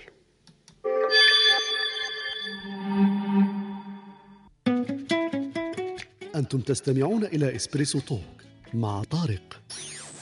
يأتيكم يوميا من الثامنة إلى الحادية عشر. تجدون فيها موسيقى، حوارات، أقوال، عبر وعبارات.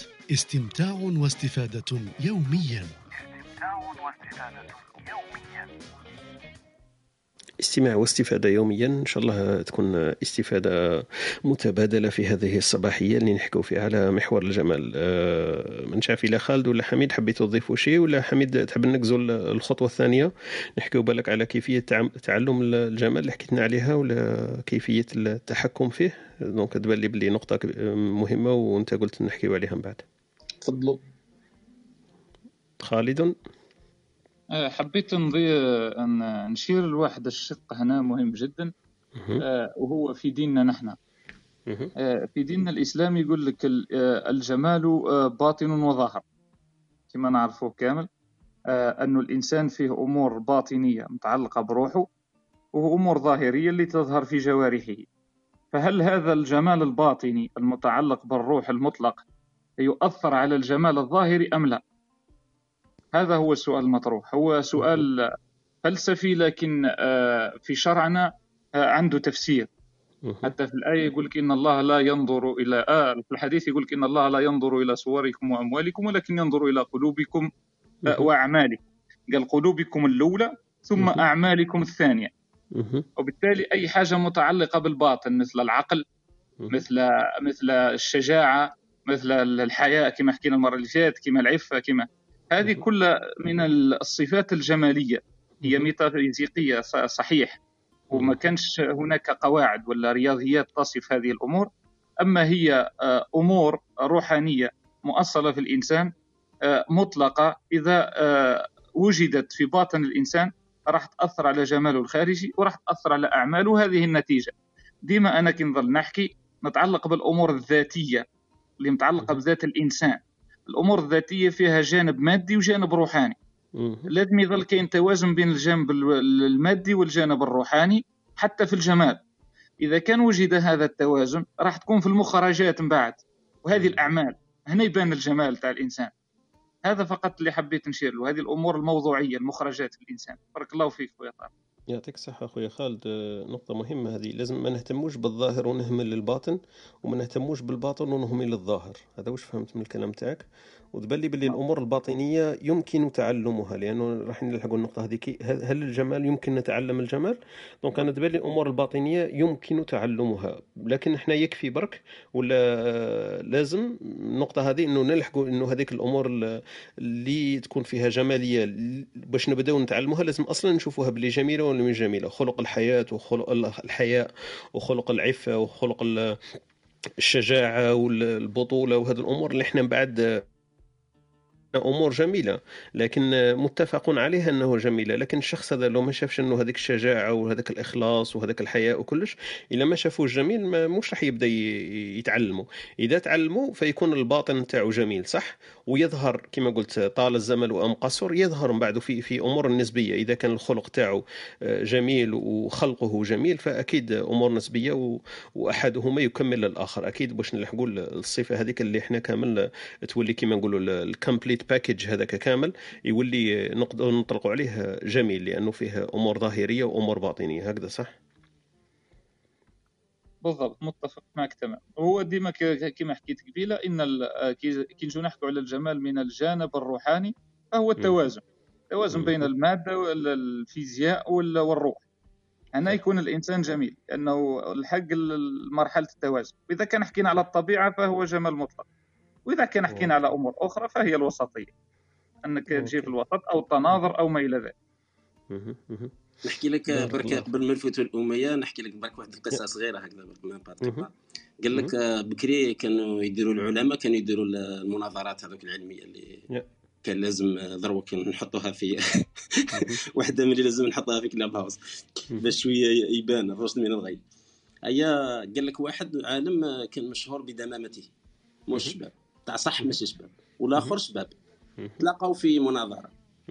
هيا هذاك اللي شباب قلع هكذا بدا يكريتيكي منا بعدك اللي يمشي شباب شقل آه، طرح سؤال.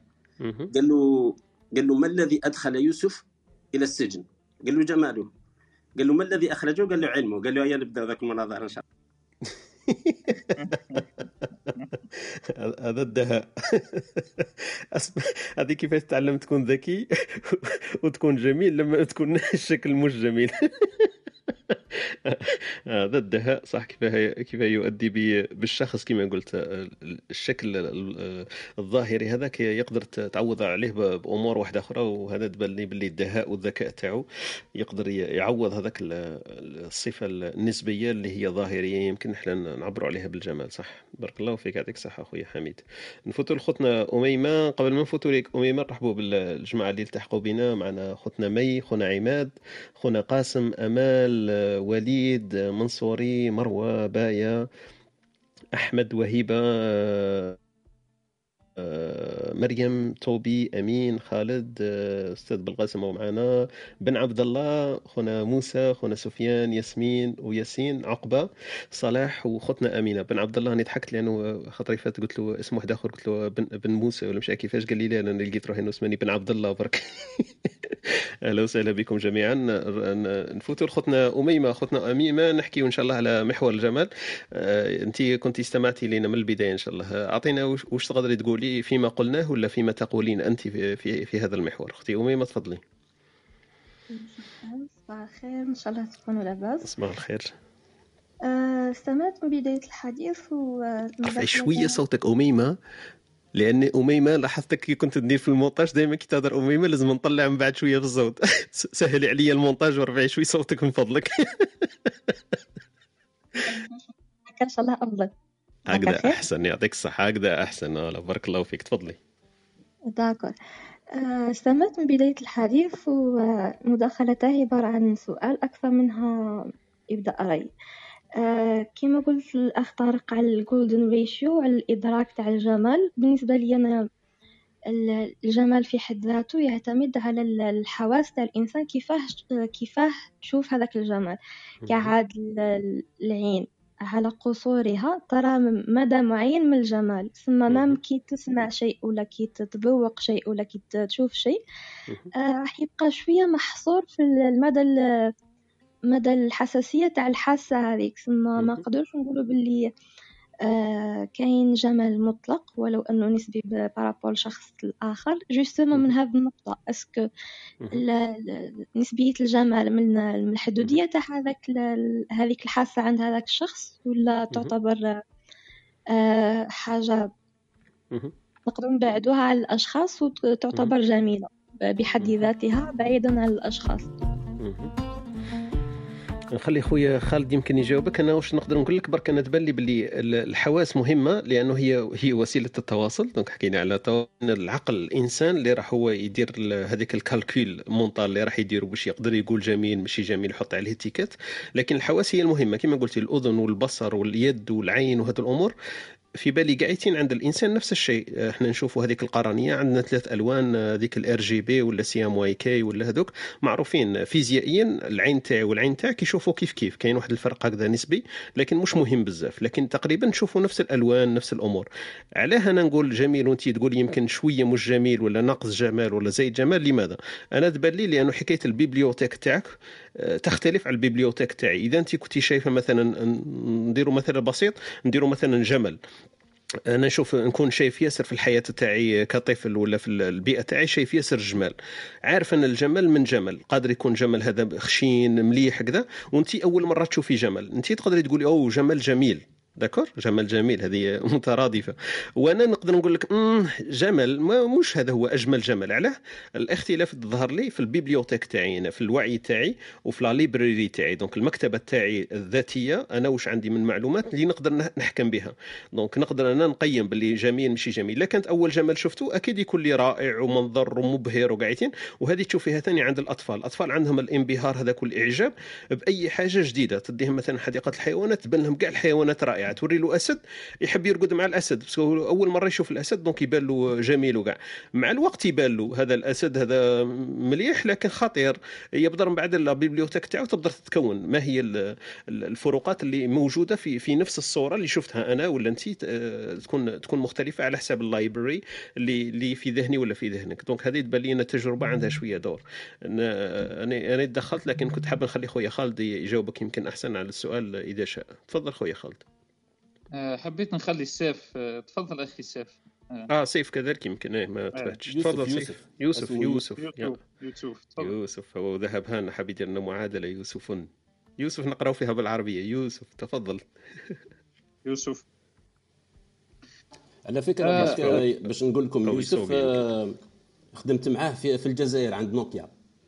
آه ما شاء الله. OK. أنا ما كنتش نعرف وش اسمه. إيه صح أنا شفت قبل قدمته لكن ما عرفتوش. آه تفضل. أهلا وسهلا. يا آه. مرحبا. مانيش عارفة يمكن يسوق لأنه قبل قلت ما نقدرش آه، آه. نهضر. مانيش عارف يلتحق بنا فيما بعد نخلوا له المجال. تفضل آه ولد الحق. السلام عليكم. سلام. تفضل أخي. سمعت سمعت السؤال تاع أميمة. Justement إحنا كي نجو الجمال ماهوش حافظه موضوعية. يعني حاجة ذاتية. يعني كي نشوف إحنا الشيء آه هذاك الشيء ما هو جميل ما هو قبيح. يعني si نهضر باللغة العربية parce que نتبع كما راكم تهضروا آه donc آه هذاك حنايا on déclare la chose ولا belle ولا laide العكس تاع belle آه par rapport nous تما إذا هذيك الحاجة جيب لنا واحد ال plaisir لينا كما هضرت مع الأول حنا نقولوا لها شابة. إذا ما تجيب لنا والو حنا نقولوا لها هذه ماشي شابة. مي بصح ما لازمش ننسى واحد العفسه آه ما باش كيش نقولوا لها باللغة العربية سي لابي دو لونغاج دونك رانا راه حنا اللي رانا عايشين فيه دوك آه كما قال المقبل واحد فيكم جوبونس واقيلا عبد الحميد اللي قال لو مو اغريابل حنايا بور نو دوكا في وقتنا تو سكي اغريابل نسموه ثاني شباب دونك يفو يفو سيباري لي شوز هادوما mais باش نعاودو برك المداخله هكا خفيفه على السؤال تاع أميمة. ثم الجمال ما راهوش موضوعي راهو ذاتي. وكي نشوفوا إحنا الشيء هذا اللي راهو خارج العالم الخارجي تاعنا آه على حساب واش يجيب لنا لينا. إذا إذا إذا عندنا plaisir كي نشوفوه كيما هضرت مع الأول على les désirs les besoins les envies آه راح ن déclar يوه شباب. إذا ما يجيبلناش هذيك راح ن déclar يوها الشباب. وهذا كما قلت طارق راح يعمل الاختلاف بيني وبينك. علاش أنت تقول له شباب وأنا لا لا ولا العكس؟ كما سميتها أنت هي ال bibliothèque. donc آه، voilà juste مداخلة خفيفة. ما حبيت نلحق بك باللي ما كان حتى حاجة شابة ولا ماشي شابة برا. كلش حنايا ن déclar يوه. تما الجمال ولا ال- ال- القبح الإنسان هو اللي خلقه ما ي exist يش يعطيك الصحة أخويا يوسف. Exactement هذه هي كما كنا قلنا في البداية كاع قلنا كلمة الجمال هذه ما ت exist يش إلى حين وين نبداو نقيمو. كي نبداو نبوزيو في لا كيسيون تكزيستي هي. شغل هكذا تخيلها ما كانش في الطبيعة بوف تخرج وحدة وحدها. le moment نبدأو نهضروا عليها تبان وهي ما كانهاش. donc هي كما كان يقول لي حميد صباح قال لي الكون أو ي exist ي زعما نقولوا جميل ماشي جميل ما يهموش كاع أو ي exist ي لكن إحنا ت exist ي هذه كلمة الجمال au moment نحبوا إحنا نديروا jugement كما قال خونا يوسف. يعطيك الصحة بارك الله فيك. D'accord معاكم بصح نقول لكم من بعد علاه تفضل خويا. آه أنت دائما تخلينا من بعد هذيك. من بعد ما طولهاش برك ما مزالش الوقت. خويا خويا يوسف حبيت نقول واقيل هذيك abus de langage على حسب واش واش استفسرت أنا من عند روحي واقيل الاستهلاك هذاك اللفظي ولا مانيش عارف أنا ال consommation يمكن هذاك. الاستهلاك اللفظي abus de langage واقيل هكذا تبان لينا نقدروا نعبروا عليه.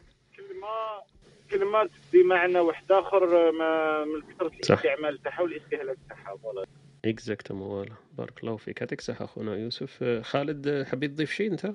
إيه حبيت نطيح في بالك نطيح في ال fréquence تاع حميد هو هو أنا نشوف فيه الجمال من limité بالحواس تاع الإنسان. آه، من limité بالنظر كما كنتوا. تحكوا ومن limité مثلا بالسمع. هذا مزوز ولا أي جارحة أخرى ممكن يقيس بها الإنسان الجمال؟ أما هل limitation هذه mesurable ولا لا؟ هل نلحق لدرجة أنه في يوم من. الأيام ظل عندنا نفس ال... نفس عندنا نفس ال intervalle كامل مثلا في السمع ونفس ال intervalle كامل في النظر إذا. كان هزينا كما كنت تحكي أنت المعلومات الكافية والتامة في النظر وفي السمع أما أنا. حبيت نروح لبعد آخر. البعد آخر تاع الجمال وهذا اللي ما يتيحوش فيه ناس ياسر مستحيل يكونوا كيف كيف اللي هو الخاطر الخواطر أنه الإنسان مثلا أنا نقول مثلا شفت كذا وكذا جميل شفت شفت شفت. أكيد مش راح نكون زيك أنت أنت شفت مناظر مختلفة أخرى شفت. مظاهر أخرى نتاع جمال. أما كنا نلحقوا في زوج نشوفوا نفس الشيء راح تكون عندنا نفس النظرة تقريبا تقريبا بالنسبية.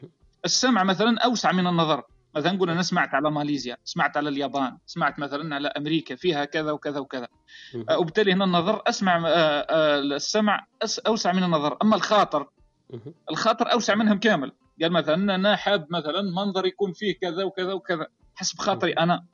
وهنا تختلف من إنسان لإنسان.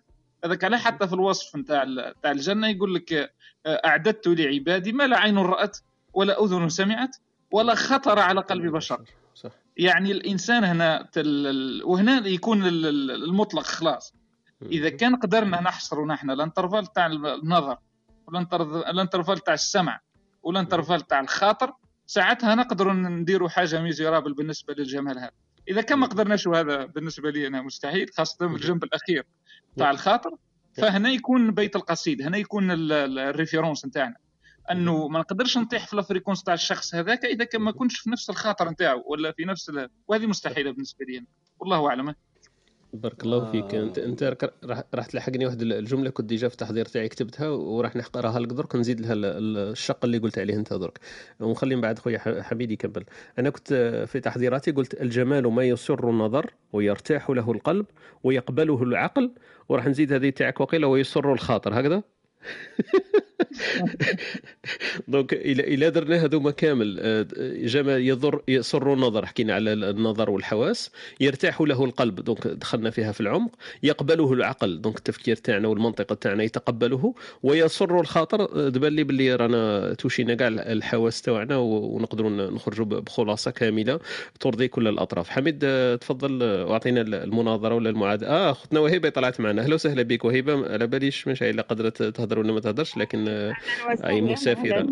أهلا. وسهلا بك. وهبه أني مقصرة عاد الايامات لا لا بالعكس. لا لا إحنا رانا مقصرين رانا متعبينك في عطلة تاعك ورانا آه. نديروا رجوع فيك. لكن أنا متفاهمين. إذا تسمعي برك وما تقدرش تدخلي كلش بكل فرح لا. وسرور. ما كان لا تعتذري. لا لا راني متاحة الآن. يعني الحمد لله. وأنتم كيف. الحال؟ كيف كان الويكاند؟ والله الحمد لله. كل شيء بخير. الحمد لله. الحمد لله. كل شيء كان جميل. وهبه جميل. إيه، موضوعنا الجمال اليوم يعني. بارك الله فيك. إن شاء الله يا رب اجعلنا من من الذين عندهم جمال الروح أكثر من إن شاء الله. وجمال المظهر لما لا الإنسان كي يطلب يطلب كل شيء. يكون عنده جمال الروح وجمال الروح هو أجمل شيء. الإنسان عندما تكون روحه جميلة يعني آه، يمكن من أنا في ثقافتنا الشعبية نعطي أهمية كبيرة ل- للشكل الخارجي طبعا.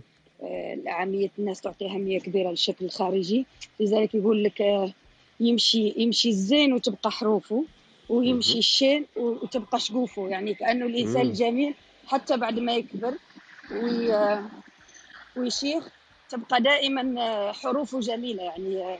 المظهر نتاعو دائما تبقى هذيك لي ترين نتاعو الجميلة مهم. يعني هذا ما يقولون في الأمثال الشعبية مهم. وإن الإنسان يعني اللي لم يعطيه الله يعني آه، جمال يعني خارجي يقول لك حتى عندما يكبر يعني لا يتغير شيء يبقى صح. يعني تبقى شقوفه يعني كأنه دعما يبقى إنسان بشع مع الأسف. صح. و- ولو أنه في الحقيقة الجمال آه، يعني الإنسان يقول لك آه، آه، كثير القدام كما قلت في الثقافة اعتذر اني في الشارع يقول لك آه، كثير كثير القدام ينعاف لو كان وجهه مرايه يعني الإنسان مهما كان جميل ولكن إذا كان فعله وأخلاقه مش جميلة. آه، طبعا الناس راح تنفر منه ولو إنه في البداية يعني هذيك الكونتاكت الأول الناس يقول لك يا هذا الإنسان جميل المظهر خصوصا إذا كان يعني لباسه جميل وكل ولكن لما تجلس معه خمس خمس دقائق عشر دقائق يمكن ما تقدرش تتحملها لأنه إنسان آه، يعني لا تجد فيه آه، الخلق ولا الصدق ولا ما يعني ما يريحك طبعا. لذلك إحنا نركز كثيرا على المظهر الخارجي ولكن في الحقيقة الإنسان حتى ولو كان شكله مش جميل وروحه جميلة آه، أنت مش راح تنزل يعني إنسان كي تشوفه كل يوم كي تشوفه كل يوم ما راحش تركز على جماله. وأناقته وكاع راح تركز على شخصيته لأنك تعرفت به وجذبك و... وممكن كونت معه صداقة وكل. آه، لذلك أنا نشوف إنه جمال الروح هو أهم شيء جمال. الأخلاق هو الإنسان هذاك ربي اعطاه لك هذاك شيء لا تتحكم به. ولكن أن تكون خلوق أن تكون جميل جميل الروح يعني هذه حاجة في يدك أنت طبعا. شكرا يعني نسمع لكم كلام جميل كلام يعطيك خالد. بارك الله فيك يعطيك الصحة أختنا وهبة. أختنا وهبة نخلوك شوية دركا. وجدينا أجمل كتاب ولا أجمل بيت شعري؟ لأنه عارفك باللي مهتمة بالأدب. على ففي الجمال الأمور طبعا. الأدبية أجمل بيت وأجمل كتاب قرأته وهبة. عاود يكتبيه لنا ولا أعطيه لنا إن شاء الله. عن الجمال شاء عن الجمال بارك الله فيك. لا هو أجمل أجمل كتاب في ذاته. لا, لا مش لازم يكون عن الجمال فقط. آه أجمل أجمل كتاب قرأته ولا أجمل بيت شعري تلقيته وبقى في راسك. بارك الله فيك أختي وهبة. يعطيك الصحة. شكرا شكرا. نفوتوا شكون خونا خونا حميد ولا خالد كان حاب يتدخل آه، عندي أميمة تفضلي آه، نقدروا نقولوا مثلا في المجال تاع التصوير خي بزاف الناس آه، يحكيو على ال- النكتة مهم. هذه تاع القمر كي تشوفه. يكون. جميل كي. تبغي تصوره بالتليفون آه، يبان كأنه لمبة ما يبانش القمر الجميل اللي تشوفه ثم في النقطة اللي سقسيت عليها مهم. الإدراك ولا الخ- ال- الإمكانية تاع الوسيلة اللي نستعملوها ل- لإدراك الجمال هذاك.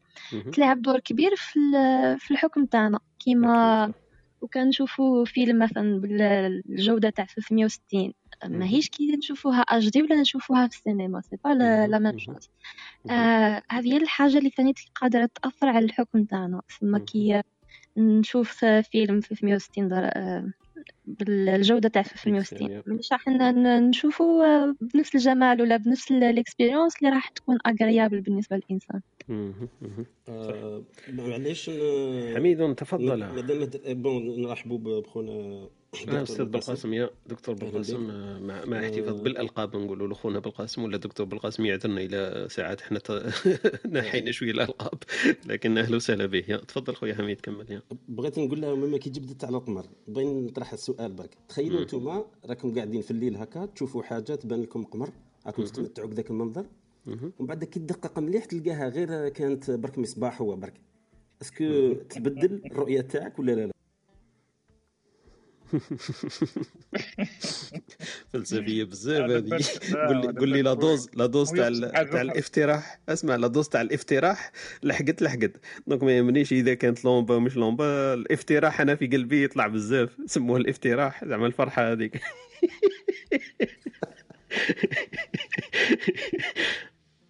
خالد حبيت تقول شيء تفضل. لا هو طفرت فيه برك آه دركا خلاص كيما قال لك؟ دركا افترح اسمع افترح وانشرح قلبه زعما خلاص طفرت. 95% راهو plan تاع et consommes consommes la dose هذيك صاي non non هي هي صح. أمور كيما قلت فلسفية ساعات. est-ce que المنظر هذاك ولا واش كتقول أختنا أميمة. la qualité تاعها est-ce que كي تلحق ليك بدرجة قادرة تأثر في في درجة الجمال اللي انت تقدر تحكم عليها من بعد ولا ما تحكمش. إلا كان نفس المنظر تاع القمر اللي باش نربطوا مثلا تاع أخونا حميد وأختنا أميمة نفس المنظر هذاك تاع القمر.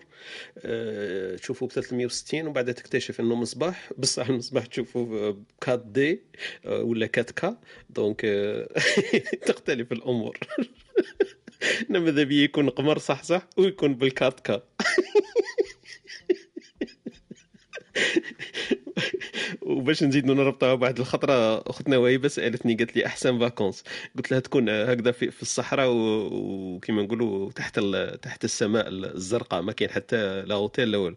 سما نربطهم كاع مع بعضهم نكون راقد في الصحراء ونشوف نشوف قمر تاع الصحصح ويكون قريب زعما. هذيك هي أجمل أجمل لحظات خلاص. نرحبوا بأستاذ بالقاسم أهلا وسهلا بك.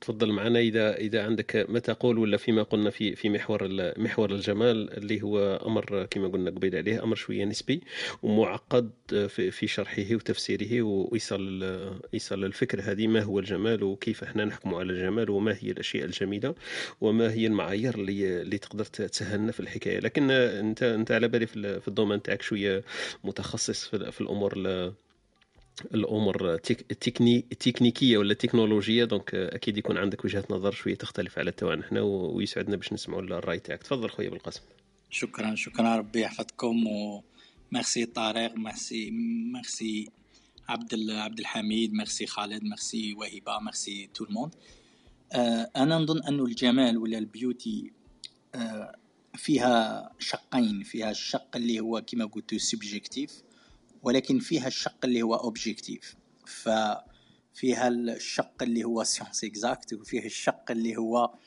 آه، مجرد opinion ولا ذوق ولا يختلف من شخص إلى آخر.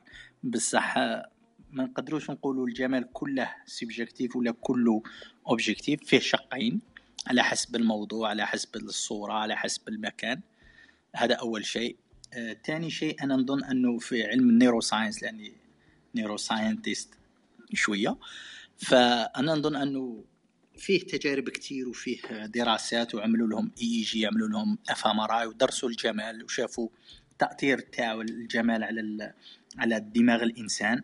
عنده تأثير كبير لأنه للأسف الجمال ولا لما ترى شيء جميل ولا شيء مش جميل راح يأثر عليك راح يأثر عليك بال بعاطفة positive ولا negative المشكل أنه حتى آه، المنطقة اللي مسؤولة على ال pain على الألم. آه، إذا شفت شيء مش جميل راح تتأثر. فحتى إذا ما استوعبتهاش أنت ولا ما حسيت بها ولكن آه، الأشياء الغير جميلة راح باش نركز. أنا دائما بغي نركز على الجزائر. نرجعوا للجزائر. الجمال الجمال اللي نتكلم عليه لما تخرج في في الزنقة ولا في الطريق ولا وتشوف مباني مشي شابة وتشوف مظاهر مشي شابة مثال. وتشوف مثال آه، فيلات ولا ماشي مpeinturée من برا ولا تشوف هكذا الوسخ ولا الزبل partout ولا.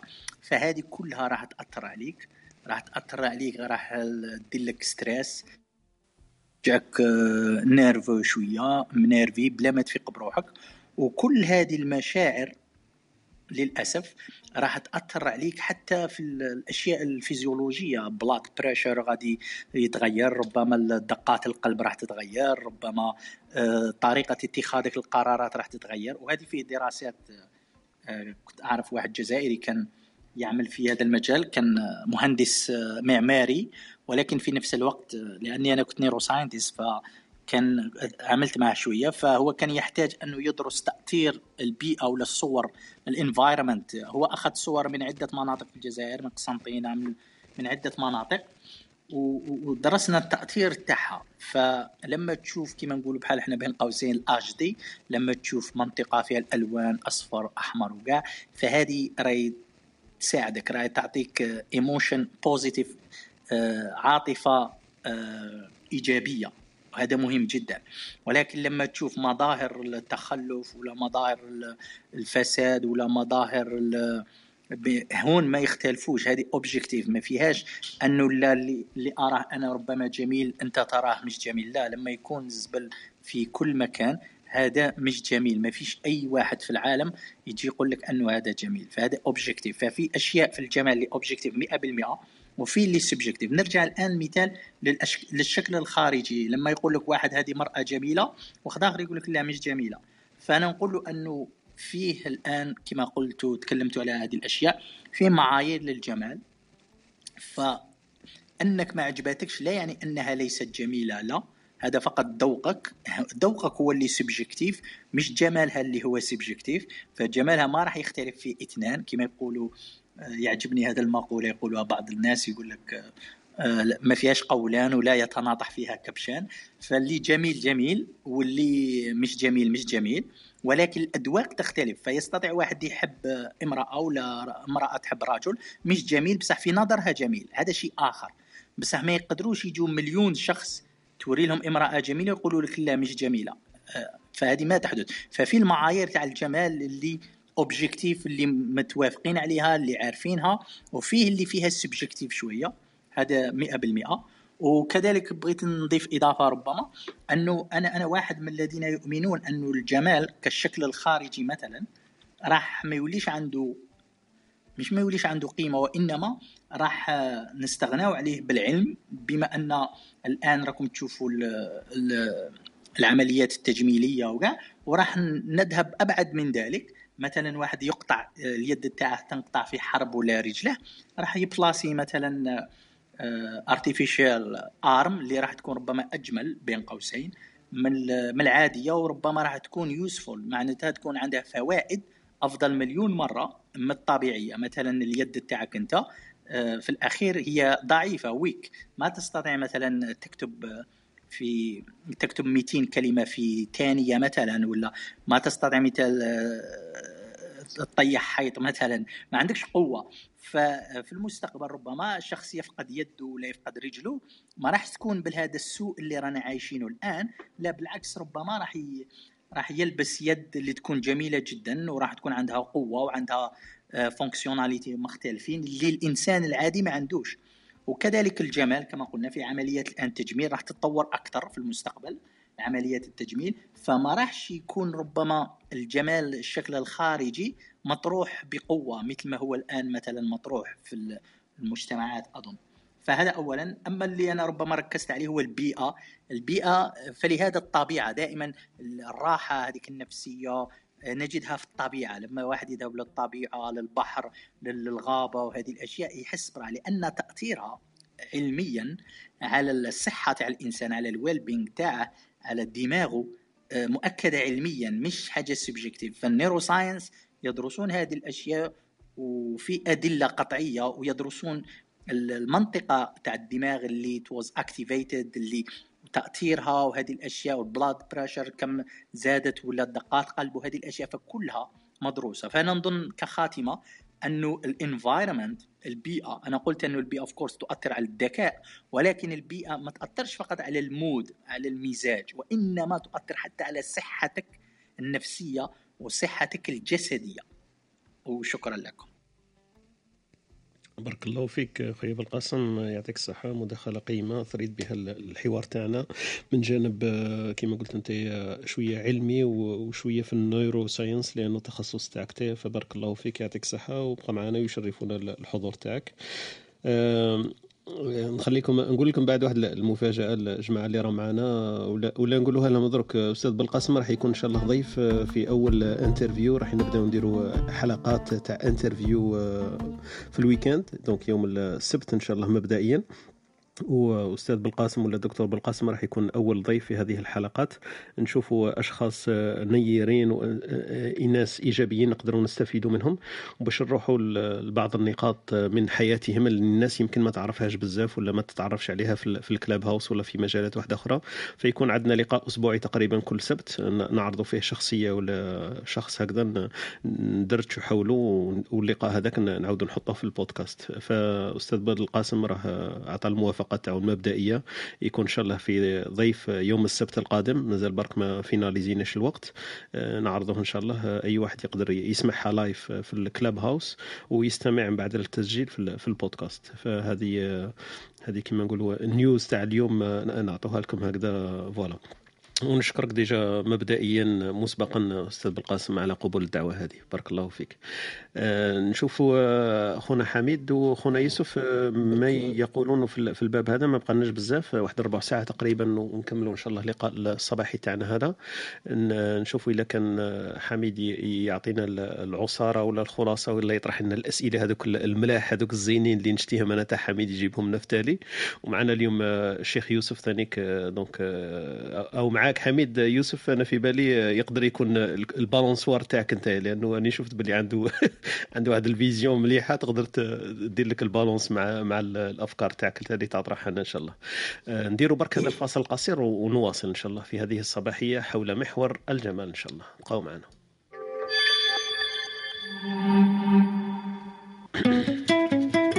أنتم تستمعون إلى إسبريسو توك مع طارق. يأتيكم يوميا من الثامنة إلى الحادية عشر. تجدون فيها موسيقى، حوارات، أقوال، عبر وعبارات.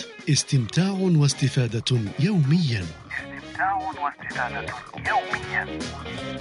استماع واستفادة يوميا. قبل ما نفوت الخويا حميد ويوسف نرحبوا بخوتنا اللي تحقوا بينا.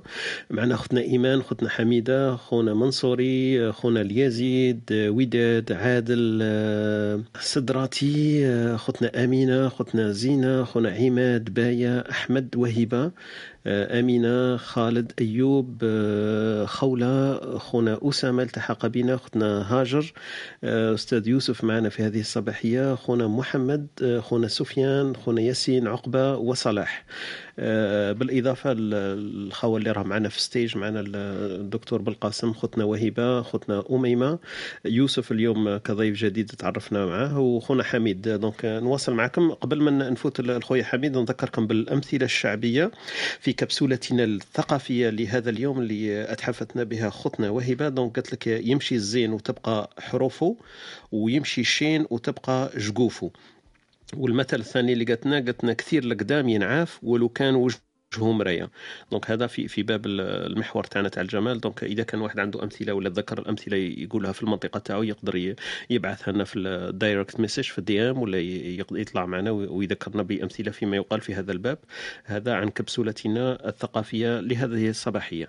أه نخليك مع أخونا حميد. حميد تفضل و... نعاود نقول له هذاك المثل الشعبي تاع الدفلة منك شايف إيش بينه آه تاع الدفلة كاين تاع نسيتو هذاك. هاني كتبته تاع ما, ما, ما يعجبكش شجره نو نوار الطفله يا لو كان شبابو ومش عارف كيفاش وزينه الطفلة يا لو كان مش عارف شنو l'essentiel لو كان الفاعل عاود يذكرونا به خاوتنا من بعد. تفضل حميد. لا برك برك باش نهضروا باللي على قلنا باللي الجمال مع الأول باللي تجربة هي expérience الإنسان يدخل فيها يدخل فيها بالإحساس تاعو ولا بالمشاعر تاعو اللي تدعوه obligatoirement أنه يصدر حكم عليها. هذه هي المشكلة شوية. الا صدر هذاك الحكم عن طريق أنه حدث المتعة صدر عنده un plaisir راه يستنى فيه de retour من هذاك الشيء راح يكون يقدر يكون نسبي ونقدروا نتفهموه أما إذا كان ما عندوش حتى حاجة يديها منها يقدر يكون نعتبروه مجرد objectif اللي هضرنا عليه. من هذه اللي نقدروا مثلا نشوفوا الدور تاع ال artiste ال artiste مدعو ولا ولا هو؟ الفنان. والفنان هو راهو خدمته أنه يعبر مش على الأشياء الجميلة ولكن يعبر على الشيء بحد ذاته بطريقة جميلة. فالطريقة راح تكون كل ما تكون جميلة حتى على شيء بشع راح تأهله أنه يكون artiste مليح. فهنا هنا هذا هو المثال اللي يفصل ما بين أنه الجمال إحنا نحكموا عليه مش مش شرط هذه. هذه هي المشكلة. هو c'est c'est une norme universelle شغل عالمية هكاك شغل تفاهمنا عليها ما عرفتش وين تتفاهمنا عليها. هذا هو الجزء الميتافيزيكي اللي فيها. donc شغل شغل تفاهمنا بلي هذه الحاجة راهي جميلة ولا لا لا في واحد اللاوعي اللي ماناش عارفين وين راه هذه même la neuroscience تقول لك شنو هما الإيجابيات تاع رد الفعل تاعك كي تكون تدخل في هذيك ال expérience تاع ال esthétique. mais ما تقدم لك منين ما عطاتلكش تفسير منين قاعد يجي هذاك الحكم صح. اللي تقريبا كاع رانا متفاهمين عليه. هذه هي اللي رانا نهضروا عليها وهذه هي اللي يخ... هذا هو المجال اللي يشتغل فيه مثلا les artistes اللي الناس اللي يكونوا متفردين ما يكونوش يعاودوا الحاجة mécanisme تكون عندهم technicité c'est normal. هو شغل يظل يرسم يرسم يرسم يرسم يكون virtuose فيها c'est-à-dire يكون عنده خارق للعادة فيها. من بعد يوصل لواحد الوقت وين يجيب حاجة وكأنه يجيبها من الغيب وما تتعاودش. هكا دايرة. وكاع الناس يكونوا d'accord باللي مليحة. هذا هذا الحاجة هذه هذه أنا نشوف يسموها c'est un مؤشر. c'est un index vers حاجة اللي إحنا تعجبنا بزاف كمؤمنين c'est normal. تأشر على حاجة اللي فايتتنا. فايتة العقل تاعنا وهذه اللي شابة. c'est-à-dire que حنايا شغل بالعقل تاعنا لو كان نعاودوا نبغوا نفهموا وعلاش؟ هذه الحاجة حنا نشوفوها شابة مانيش نقدروا نفهموها تعرف علاش؟ لاخاطش حنا رانا في المجال تاع العقل. صح. alors que هي جاية فوقو هذه اللي يسميها أبو حامد الغزالي فوق ما فوق العقل. c'est-à-dire حاجة فوق العقل. بصح تأثر عليه التأثير تاعها تشوفها كما قال الدكتور بالقاسم تشوفها في, في ال neuroscience وكل شيء. تشوفها تاع الصح باللي تأثر عليك. mais كيما قضية الاعتقاد قضية الاعتقاد تأثر علينا. كيما شافوها في ال neuroscience ثاني. c'est-à-dire كشغل اللي أنت حاجة اللي جاية فايتة فوق فوق راسك معناتها بلي راهي أفقية. وهذه الحاجة اللي أنا تعجبني الأجمل ما في الجمال هو هذا أنا بالنسبة لي. إذا كنت أنه مؤشر على حاجة اللي هي métaphysique وهنا ما كاش كيفاش لا ما, ما تقدرش تهرب لها حتى تجيب ما عارف واش تجيب تبقى دائما مربوط أنه رانا كاع متفاهمين على معايير هكا اللي ماناش راح نستفادوا منها. ماشي كيما البنت الجميلة ولا ولا الطبق الجميل ولا ما آه حاجة خاطئة كاع. مجرده مش راح تحدث فيها آه متعة مباشرة. تخيل؟ وكاع نتفقوا باللي جميلة. من من هذا الشيء بصح اللي اللي نقدروا نأثروا عليها هي الفطرة. آه مثلا آه، مرة Laurent Gounelle هذا كتب Le philosophe qui n'était pas sage الفيلسوف الذي لم يكن حكيم هذا فيلسوف بغى ينتقم من واحد القرية كانت تاع الفطرة تاعها.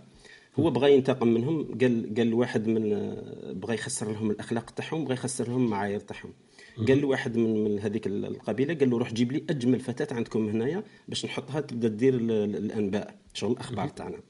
اي هو راح جاب له وحدة في المعايير تاع الجمال تاعنا اللي حنايا دروك نعاودوا نرجعوا اللي هي حديثة مودرن ما عجباتوش هذاك الفيلسوف ماشي هي هذيك اللي كان يستنى فيها.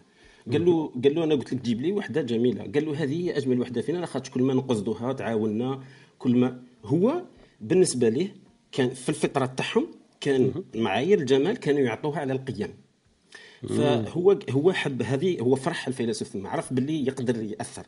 راح جاب هو على المعايير تاعو وبدا يحطها. ولاو النساء هذوك تاع القبيلة ولاو يديروا comparaison معاها. بلا comparaison تبدلت المعايير. donc même les neuro même les neurones تاعنا يقدروا يتاثروا ب une manipulation وهذه هي اللي خطيره شوية في النسبيه رانا نحكوا في النسبي اللي تحدث به المتعه d'accord صح صح بصح المطلق وكانه ما عندناش كيف نمونيبيلو وهذه هي الحاجة المليحه بزاف شغل محفوظ من عند الله سبحانه وتعالى هكا ما عندكش كيف تاثر وهذه مليحه بزاف لازم تقعد في بلاصتها كيما راهي هكذاك خاطش لو كان نقدروا ناثروا عليها هذيك يروح كل يروح يروح كاع يروح كلش أما في الجمال في القيم ونكمل بهذه. أما الجمال في القيم القيم هو هو هما الذروة الكبيرة كاع اللي يقدروا يوصلوا لها يتصفوا بالجمال أي حاجة. مثلا آه، أي قيمة. اذا كانت قيمة العدل آه، تكون توصل لواحد المستوى تولي تتبان لك جميلة شغل مليحه أما لا حكمت عليها أنه جميلة معناتها سي سور عادلة. معناتها اللي كان يحكي فيها باللي قادرة تكون جميلة بدون ما تكون تكون صح vrai هذه ما كاش منها. واحد من المعايير تاع الجمال c'est-à-dire كي نقولوا باللي esthétiquement اللي مليحه vraiment شابه معناتها vraiment راهي vrai راهي حق. حتى توصل لهذاك الجمال. هذا وحده من من المزايا تاع الجمال اللي تعطيهم في عالم القيم. الإنسان ما يشوفش الجمال في الظلم. ما يشوفوش ترغموا كيما بغيت تشوف تبدلوا كيما بغيت يشوفوا دائما مش جميل يشوفوا قبيح. حتى يوصل ذروة العدل هو يشوفه جميل. معناتها الجمال وكأنه تحفظه تحفظ القيمة الأساسية اللي جاية تقدمها هذيك. la valeur شي تعطيها الجمال يحفظها. هذه هي بغيت نقولها إن شاء الله. بارك الله فيك يعطيك الصحة أخونا حميد. آه، رحت لنا ل- كما نقولوا خلاصة القول وزبدة ال- العصارة ماشي عصارة الزبدة. donc آه، بارك الله فيك يعطيك الصحة. آه، خونا يوسف آه، تحب تضيف شيء؟ آه، ما بقالناش بزاف باش نكملوا اللقاء تاعنا. دونك آه، نديروا ان تور دو رول هكذا ومن بعد نرجعوا أنا الكلمات زيدو الختامية عبد الحميد. خلاص هو قال كلش حميد اودى لك هذيك تاع البو بو بون على بالك يعني شوف فيه باللي داها لك وتاع يضرب طفل تلقاها ماشي مليحة ومن بعد تفهم علاه تلقاها مليحة. ما عندي ما نزيد والله بارك الله فيك. يعطيك الصحة خونا خونا يوسف. بارك الله فيك. بقى معنا إن شاء الله. درك نفوتوا الكلمات الختامية بعد شوية. بقى معنا برك آه، خويا بالقاسم كنت حاب تقول شيء يمكن ولا لا؟ أكيد. شكرا شكرا. إيه تفضل. yeah yeah. فقط لأنه آه، لا- آه، خويا بالقاسم ال clignotage كيما نسميها. أنا ال clignotage هذه عندنا حنايا c'est, c'est que, كي تكون توافق زعما واحد تكلينيوطي. بصح ال clignotage اني أني نشوف فيه باللي كاين كل واحد كيف فاهمه تفضل تفضل. أكيد أكيد. هي في الحقيقة في واحد آه، ربما فيزيائي معروف كتب كتاب سموه The Beginning of Infinity البداية. تاع ربما الما لا. نهاية ولا. وتكلم على ال objective beauty أنا قلت الجمال فيه subjective و objective فيه ال- الشقين الاثنين. فهو قال واحد الكلام رائع جدا وأعطى أمثلة و argument وفيه قلت لك scientific evidence نعطي بعض الارجيومنت مثلا أنه أنت لما تشوف نحلة ولا أي حشرات وتشوف زهرة تنجذب إليها 100% فكل الحشرات ولا تشوف أنه هذه الزهرة جميلة جدا. بصح لو قسنا هذا المثال على الإنسان فالإنسان قد يشوف هذه الزهرة ربما جميلة أغلبهم. بصح في أحيانا اللي ما يشوفهاش جميلة. فاحنا نظن أنه ال- ال- الانجذاب لهذه الأشياء الجميلة قد يكون انجذاب جنسي قد يكون انجذاب ثقافي قد يكون انجذاب عنده علاقة بمناطق في الدماغ ففيه في فيه كما قال هو بهذه الطريقة أنه كلها تحت قوانين الطبيعة ولا قوانين الفيزياء والرياضيات. فحتى الجمال اللي الآن ماناش فاهمينه 100% لو إن شاء الله بعد 20 عام 100 عام تعمقنا فيه أكثر. راح نجد أنه فيه تأثيرات فيه ضوء يأتي إلى الدماغ هذاك الضوء يأثر في منطقة في ال mood في الأكل اللي كنت آكله في كل شيء. فهو اللي راح ينتج هذيك المحصلة هذاك الشعور بالجمال ولا الشعور بالانجذاب ولا الشعور بالراحة ولا ال emotion هذيك ال positive فأنا آه، أكيد 100% أنه فيه جمال آه، موضوعي 100% وفيه معايير جمال معترف عليها عالميا. وراح نتطوروا أكثر في المستقبل والإنسان راح يتطور. لهذا الإنسان راح ي- يحاول يرجع المدن وهذه الأشياء جميله الأماكن اللي يقرأ فيها ولا يسكن فيها وحتى طريقة الحوار أنا نحاول نرجعها جميلة. كل هذه الأشياء فرانا كما قال هو we converge نحو نحو الجمال بطريقة مباشرة ولا غير مباشرة. فأنا نظن انه الميتافيزيقية بالمفهوم تاعها ربما لأنه neuroscientist شوية ما ما عندهمش الميتافيزيقيه مش مثل الفلاسفة ولا علم النفس. ولكن آه، أظن أنه آه، فيها معادلات كيميائية فيها تغيرات هرمونية فيها sensors قادمة من الداخل فيها أشياء معقدة.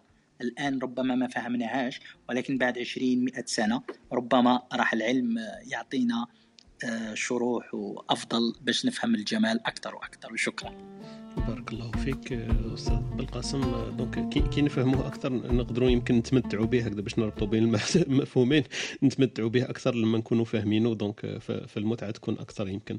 عاود ذكرني أستاذ بالقاسم ال- الكتاب هذاك infinity of beauty هكذا صح؟ لا the beginning of infinity. آه the كتبها beginning of beauty okay the beginning of infinity. okay. okay الاسم. تاعو؟ آه اسمه دافيد I think I don't remember Deutsch هكذا okay I think. هو هو معروف إنه of quantum computing. آه okay هذا okay. أب أب علم quantum computing okay yeah. أظن أظن كتبها في 2011 2010 إذا ما ما أكيد خانتنيش نلقاوها الذاكره donc أي واحد يحب يبحث عليه the okay beginning the of infinity. وتكلم على الجمال سماه objective beauty شكرا. okay. بارك الله فيك يعطيك الصحة أستاذ بالقاسم. يمكن أن طولنا شوية في في ال- المداخلة تاعنا اليوم. أنا نشوف اللي معنا ال- الأستاذ محمد. ما نعرف إلا أستاذ محمد يقدر يعطينا كبسولتنا الأدبية اللي بديناها الأسبوع اللي فات. يحكي لنا على مفكر ولا أديب ولا كاتب جزائري. فأستاذ محمد إلى إلى عندك آه، ما تقوله لك محضر معناكش ما أديب ولا مفكر تقدر تتحف أسماعنا به في هذا الصباح. آه، معليش آه، ديرنا برك ال raise hand وندخلك معنا. وإلا ن- نفوت آه، نفوت إلى فاصل قصير ونعاود نرجع هكذا باش نعطيكم شوية لحظات للتفكير والمناقشة.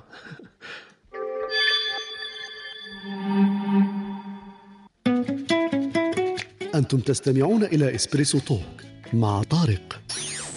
يأتيكم يوميا من الثامنة إلى الحادية عشر. تجدون فيها موسيقى حوارات أقوال عبر وعبارات.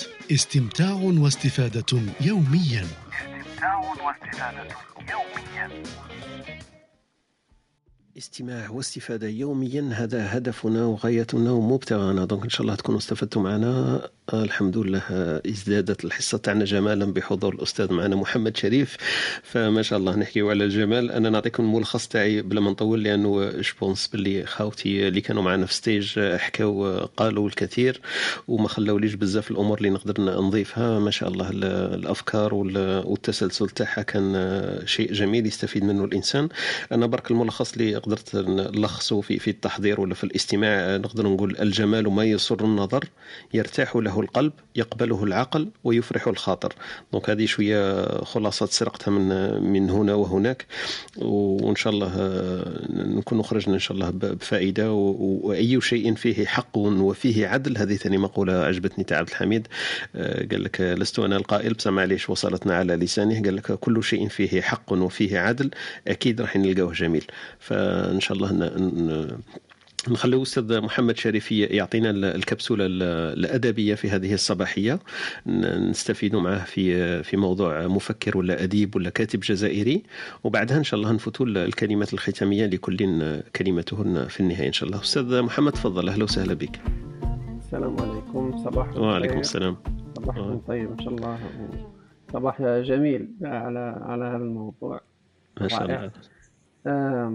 أدلي بدلوك إذا شئت زعما قبل ما نروح الكبسولة الأدبية إذا إذا عندك ما تقول في في هذا المحور الجمال فتفضل يسعدنا ويشرفنا سماع الرأي تاعك ولا تعريفك لهذا المصطلح والله أنا ممكن أضيف نقطة أخرى من زاوية كل كلامكم كان جميل وكان رائع.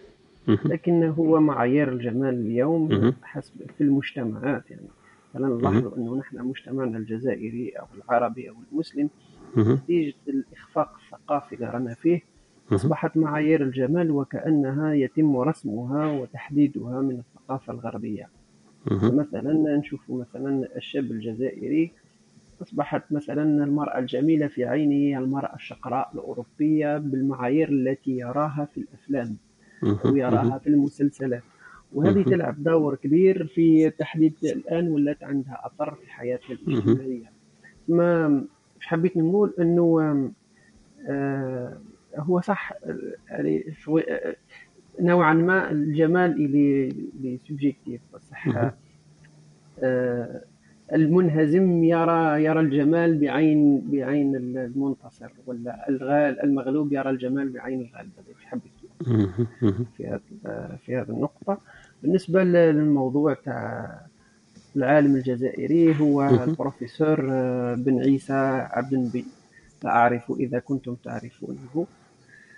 بن عيسى بن عبد النبي هو مازال حي يعني من علماء الجزائر آه، في الطب في مجال الطب في جراحة الأعصاب المخ والأعصاب من ولاية البليدة آه، ولد في آه، شهر جوان 1950 من ولاية البليدة درس في مرحلة في مرحلة الثانوية في مؤسسة فيكتور هيغو من تلاميذ المفكر الكبير آه، مالك بن نبي آه، تتلمذ على يديه في في فترة الشباب آه، ثم درس في ثانوية أخرى هي ثانوية الإدريسي ما بين 1967 و 1968 دخل الجامعة الجزائرية في جامعة الجزائر العاصمة ما بين 1968 ودرس لسبع سنوات حتى أخذ شهادة الدكتوراه في الطب العام 1975 ثم دخل في مستشفى في كطبيب مقيم في مستشفى مصطفى باشا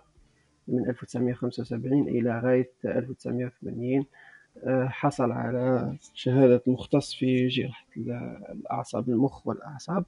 كان من بين القلة في دفعته لأن الدفعة كان فيها حوالي ثلاث آه، ثلاث تروا بوست بركة تفتحوا في الفترة هذيك كان هو الأول على الدفعة تاعو.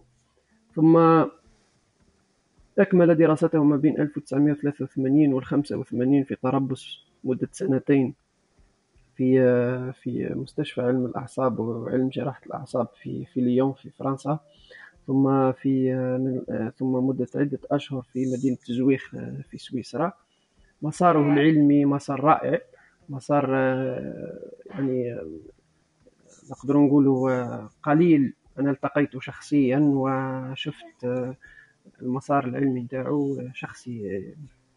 نحن نحييه بكل ما للكلمة من معنى وللأسف كثير من الجزائريين ما يعرفوش كان أستاذ محاضر آه، في جراحة العظام والأعصاب في في سنة 1984 أستاذ مشارك آه، في نفس التخصص في الجزائر العاصمة ما بين 85 و 1990 وأستاذ ثم أصبح بروفيسور رسميا في في الواحد وتسعون وكان رئيس رئيس قسم جراحة المخ والأعصاب في مستشفى الجامعي زميرلي سليم للاستعجالات الجراحية اللي هو المستشفى الذي أعمل فيه حاليا منذ 89 إلى غاية 2016 آه، تقريبا من خلال مخالطتي لتلاميذه أغلب نقول أغلب يعني حوالي 98% من العمليات الجراحية آه، التي تجرى في الخارج.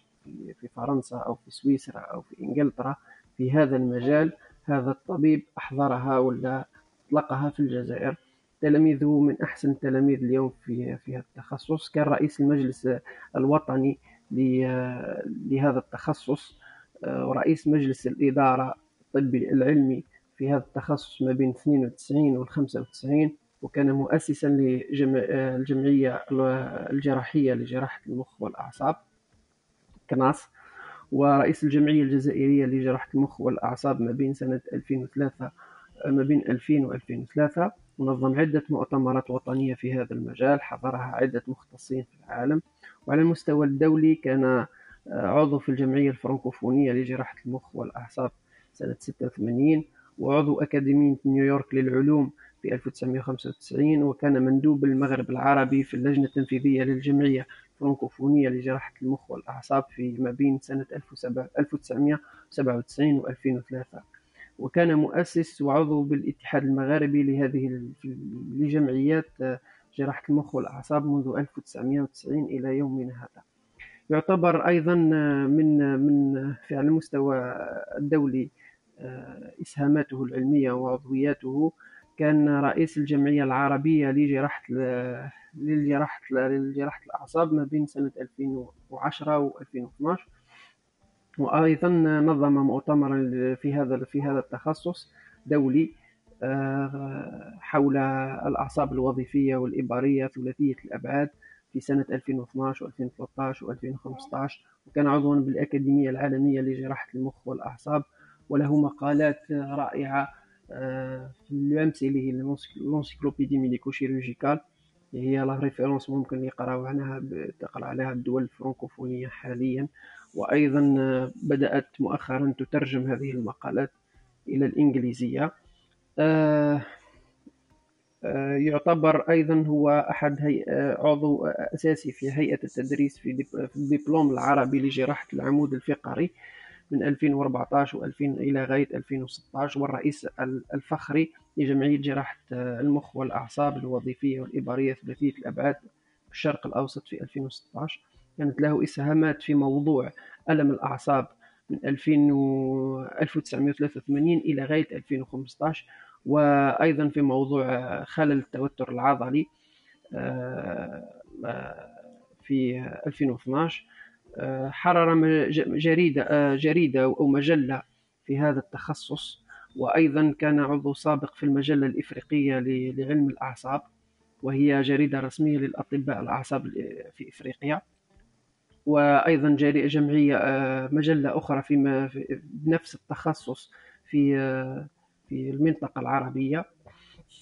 وأيضا عضو آه، عضو ناقد في المجلة مجلة الخدمات الطبية الملكية الأردنية بعمان ولا كرم عدة بعدة جوائز منها المواطن الفخري لمدينة توزر في تونس في سنة 2003 وكرم جائزة أفضل مقال علمي محكم من الهيئة الوطنية لترقية الصحة وتطوير البحث في 1996 أيضا وجائزة من الجمعية العربية لجراحة للجراحة العصبية في 2010 وسام الاستحقاق من المجلس العلمي الإسلامي الأعلى هنا في الجزائر في سنة 2011 والمجلس العلمي للاختصاصات الطبية في الجامعة العربية سنة 2014 والجمعية المغاربية لجراحة الأعصاب في تونس سنة 2015 تم تكريمه كلية الطب كرمته ككلية الطب عنابة سنة 2016 وتم تكريمه بوسام العالم الجزائري سنة 2016 كأحد علماء الجزائر. وتم استقباله عدة مرات على مستوى التلفزيون الجزائري و سألوا هيك الأسئلة ومن أشهر الأسئلة نتاعو لو كان عندك ولدك دار طب وهل تنصحه بهذا التخصص؟ قال في الأخير قال لهم لا أنصحه بهذا التخصص. فكان له شوك هو علاش ما تنصحوش بهذا التخصص؟ وهو كانت ال explication تاعو c'est beaucoup plus scientifique قال لهم parce que عندك le pronostic vital تاع le malade donc تبقى ديما مش مرتاح في هذا التخصص لأنه ال malade يقدر يموت في أي لحظة. فننصح آه، رواد الطب في هذا المجال أنهم يكونوا في تخصصات أخرى. الموضوع اليوم حبيته يكون حول عالم جزائري parce que نحن متخيلين العلماء غير اللي ماتوا المفكرين غير اللي ماتوا العلماء يكونوا غير في في مجال آه، لازم يكون شيخ قاري الفقه وإنما اليوم هو عالم جزائري طبيب مازال حي. أنا التقيته شخصيا وجلست معه شخصيا عدة مرات. إنسان متواضع جدا آه، متشبع بفكر مالك بن نبي بحكم كان كان أستاذ وكان المعلم تاعو. ومن الناس اللي تقدروا تقولوا لما كان راح يرشحوا ممثل للوكالة الوطنية للصحة هنا في الجزائر من الأسماء التي رشحها آه، الطيار هذا المحافظ قال لماذا لا يكون الأستاذ عبد النبي بن عيسى هو الممثل لهذه الأكاديمية؟ ولكن آه، شاءت الأقدار. هذا هو إن شاء الله تكونوا استفدتوا هذا الرجل العظيم. شكرا. بارك الله فيك أستاذ بن جدو محمد شريف نقدر نقول لك الدكتور الأستاذ كذا فأعذرنا لحفظ الألقاب. فبارك الله فيك النافذة هذه اللي عرجت عليها إن شاء الله وتكون تكون إن شاء الله أيقظت شوية هكذا الحماس فينا. نروحوا نطلعوا ونشوفوا من هذا هو هو الأستاذ هذا بن عيسى بن عبد النبي اللي حكيت لنا عليه. أنا أنا سعدت الاسم هذا لما قلت إنه من القامات والمفكرين والأساتذة والأطباء الجزائريين. الذين ما زالوا على قيد الحياة. دونك هذه لفته جميلة منك آه، لأنه صح عندنا مشكل آه، قالوا لما مات على القولوا عرجون ولما كان حي كان حي آه، كان شاتي وحدة إحنا نقولوا وحدة ولا تمرة. donc voilà. بارك الله فيك يعطيك الصحة أستاذ محمد شريف. أستاذ محمد شريف كاين زوج من الإخوة اللي راهم في stage donc عندنا الأستاذ بالقاسم راهو متخصص في ال neuroscience donc هذا اللقاء تاع التعريج على نافذة بن عيسى بن عبد النبي. donc neuroscience أو في التخصص تاع الأستاذ بالقاسم الدكتور بالقاسم. وعندنا أستاذنا عبد الحميد راه يسكن في زوريك وأنا راني في بيرن. donc راه عندنا شوية أوجه تناظر وما نحكوا في الخيال وفي donc قريبين منه في التخصص يمكن الاستاذ بالقاسم وقريبين في المنطقة اللي قلت أنت اشتغل فيها ولا عمل فيها اللي هي زوريك ولا بيرن. donc بارك الله فيك على هذه النافذة الأدبية التي أتحفت أسمعنا بها. وإن شاء الله نكون طلعوا إن شاء الله أكثر على هذا الكاتب والطبيب والجراح الأستاذ بن عيسى بن عبد النبي.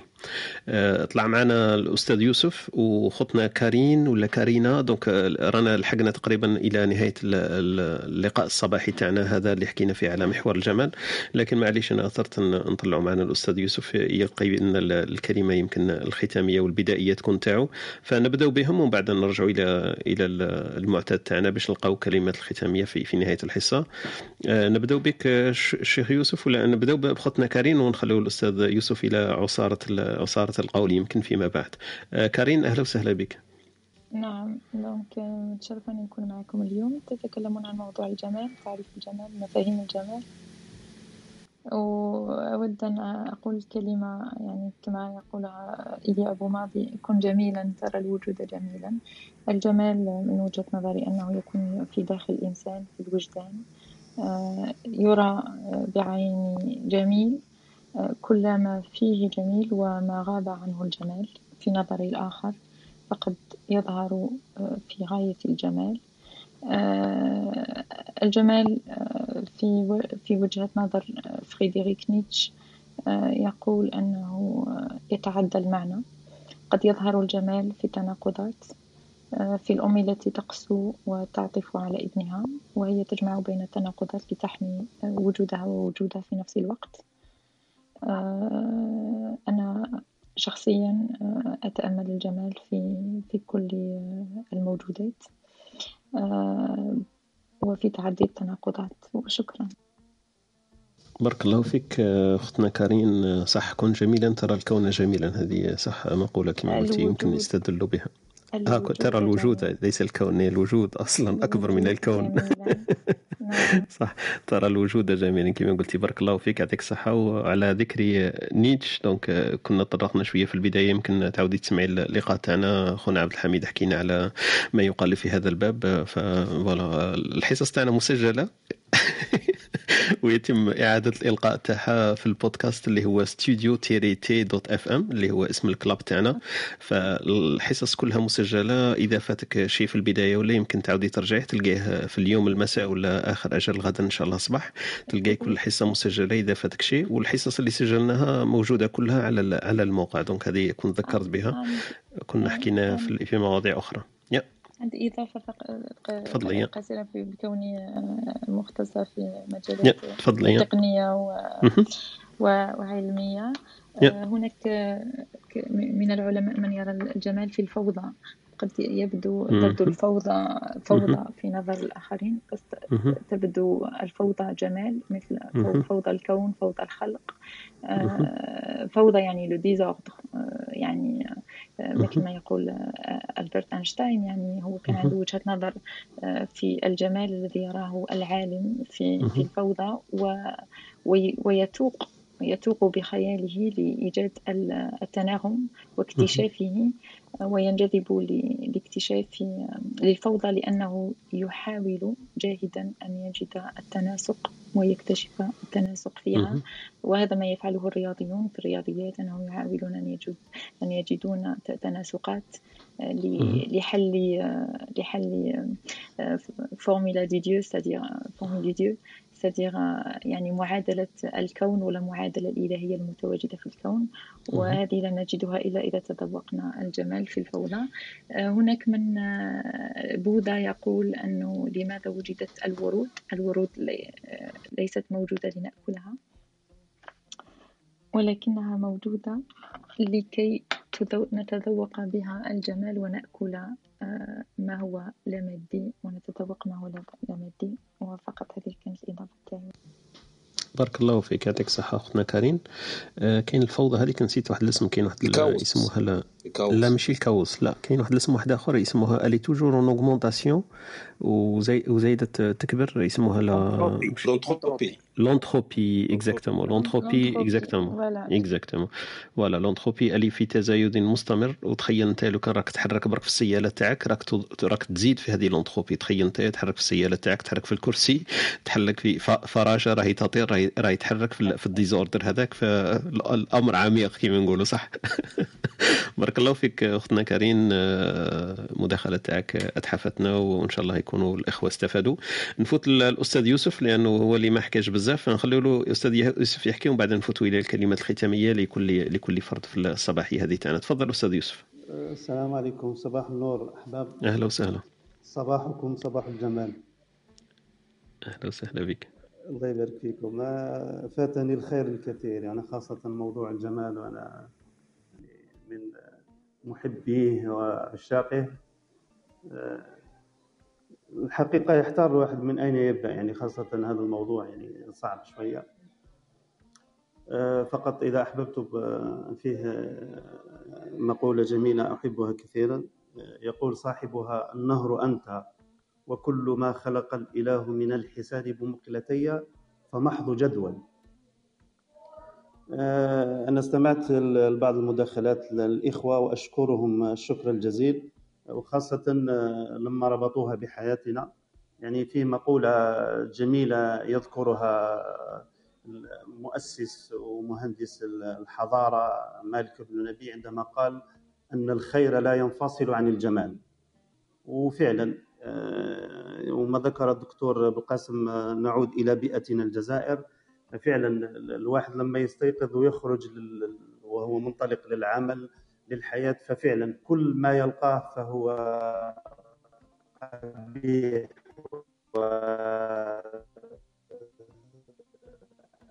التفكير والانفعال والسلوك هذا فعل فعلا يعني ضروري جدا لأنه الشخص إذا رأى شيئا من المناظر وتكررت عليه مشاهدتها انشغل تفكيره بها وبالتالي يميل اليها إلى تقليدها ومحاكاتها وهذا فعلا وبالتالي أصبح كل ما يخرج منه فهو متقن لأنه حتى الإتقان هو جزء منه كثير الجمال.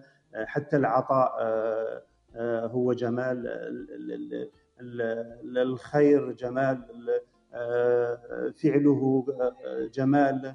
العلم جمال. يعني حتى الكثير من الأشياء أنا حتى أنه قال يعني أنه التفكير المنطقي جمال يعني آه، وبالتالي هذه كلها ما يعني هذه المدركات المبثوثه في في في الحياة في في الواقع هي فعلا جمال. فيما يخص أن أرى أنه حتى أنه إدراك الجمال بالنسبة لي هو أعتقد أنه نسبي يعني ورؤيته وتذوقه ذاتي إلى حد بعيد.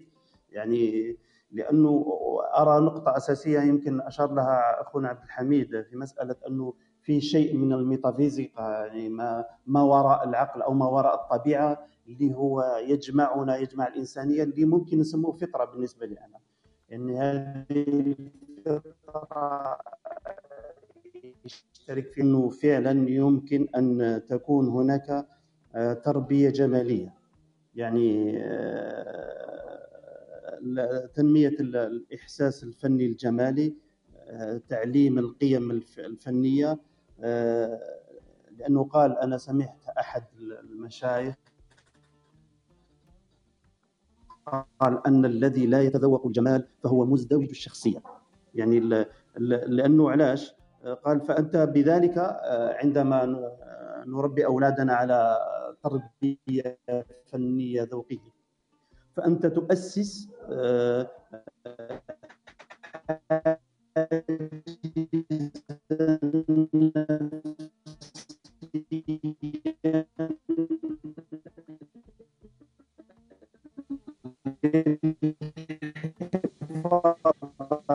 الشيخ يوسف يمكن ممكن تعيد من فضلك لأن الصوت ما يوصلناش.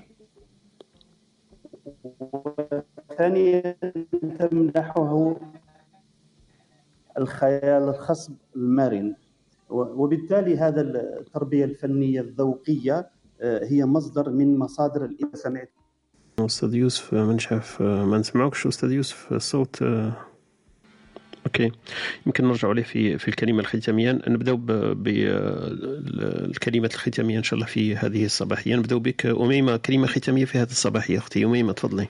آه، السلام عليكم. ممكن نختم بمثال يعجبني آه خذ المرأة وانشد على بابها كيف أصلها؟ راهو يجيب معها خوذ المرا ونشد على ميمتها. يدور الزمان وتجيب من صنعتها.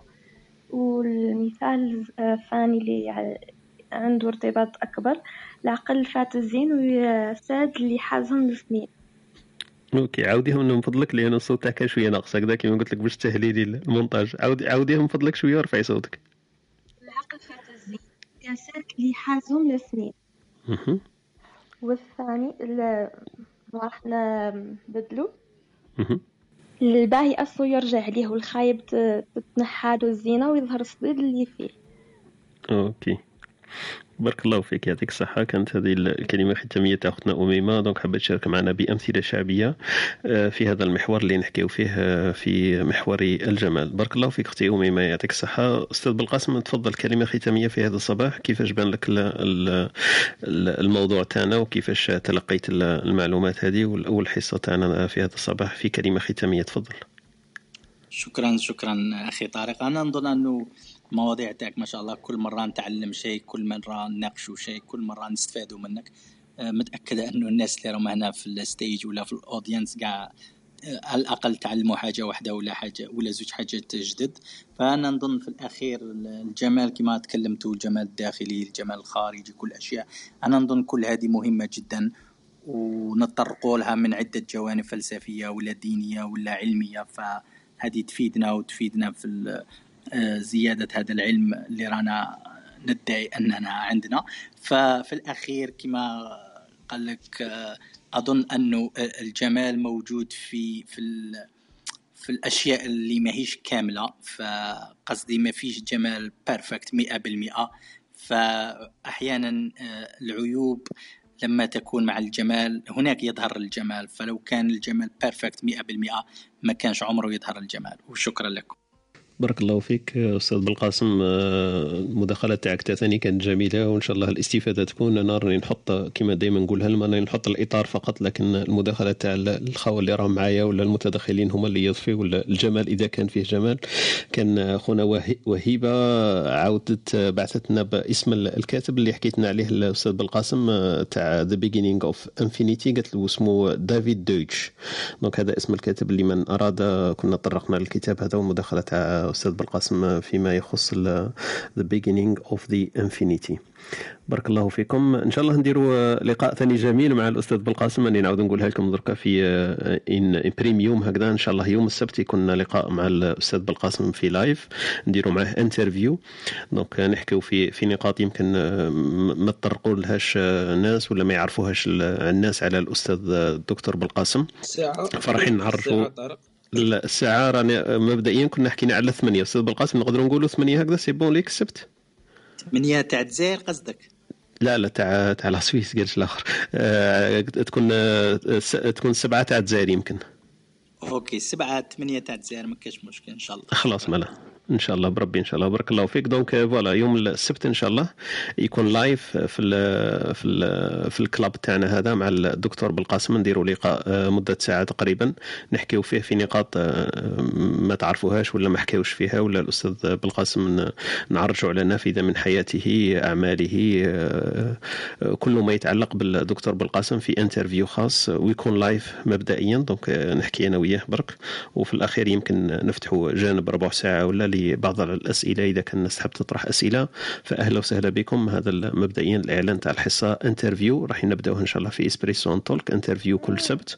يكون في شخص ولا شخصية. donc voilà donc مبدئيا هذا ال هذا ال اللقاء تاعنا راح يكون أول أول interview نديروه في EspressoTalk مع الأستاذ الدكتور بالقاسم يوم السبت على الساعة الثامنة إن شاء الله بالساعة المحلية تاعنا هنايا بتوقيت الجزائر تبقى يمكن الساعة 7 ولا 8 أهلا وسهلا بكم.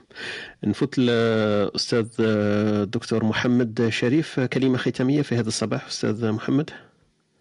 أولا آه، شكرا لكم على هذه الجلسة. آه، تحضرني فكرة أخيرة للمفكر الحضارة مالك بن نبي إذ يقول أنه آه، ذوق الجمال زائد الأخلاق أو مبادئ الأخلاق أو مبدأ الأخلاق يصنعون توجيه الحضارة. الحضارة الغربية يغلب عليها ذوق الجمال وكثرة ذوق الجمال في حضارة معينة تميل بها نحو المادية وتميل بها نحو الأنوثة. وذوق الأخلاق حين ومبدأ الأخلاق حين يغلب في حضارة مثل حضارتنا الإسلامية فإنه يغلب بها يسير بها نحو الجمود. أعتقد أنه نحن اليوم أن الحضارتين منقوصتين ولازم لنا نعاودوا كما نقولوا نحن نبعث ذوق الجمال في حضارتنا اليوم وأيضا نعززها بمبدأ الأخلاق. لأنه كاين جمال يتعارض مع الأخلاق من أجل توجيه الحضارة. شكرا لكم على على الفسحة ورانا نتعلم منكم وبارك الله فيكم. بارك الله فيك أستاذ محمد. بارك الله فيك. كما قلت ما أجمل ما أجمل الحضارة لو يكون فيها الجمال وما أجمل الجمال لو يكون فيها عدل ويكون فيها حق. هذا بارك الله فيك. يعطيك الصحة إن شاء الله. نفوتوا لخونا يوسف. على بالي الزوج راهم يضحكوا هذوك. آه، أستاذ يوسف كلمة ختامية في هذه الصباحية. راك معنا يوسف؟ يمكن مش معنا. آه، يوسف مش معنا donc ولا ما يقدرش يهضر donc خلوه يمكن يعاود يرجع لنا donc نفوتوا لحميد وخالد. حميد وخالد إليكما الكلمة الختامية. آه بارك الله فيك. بداية حبيت نعتذر أنا لأنه كان عندي شغل خفيف هيك كملته ورجعت. أكيد فاتني الكثير من من الإخوة والأساتذة.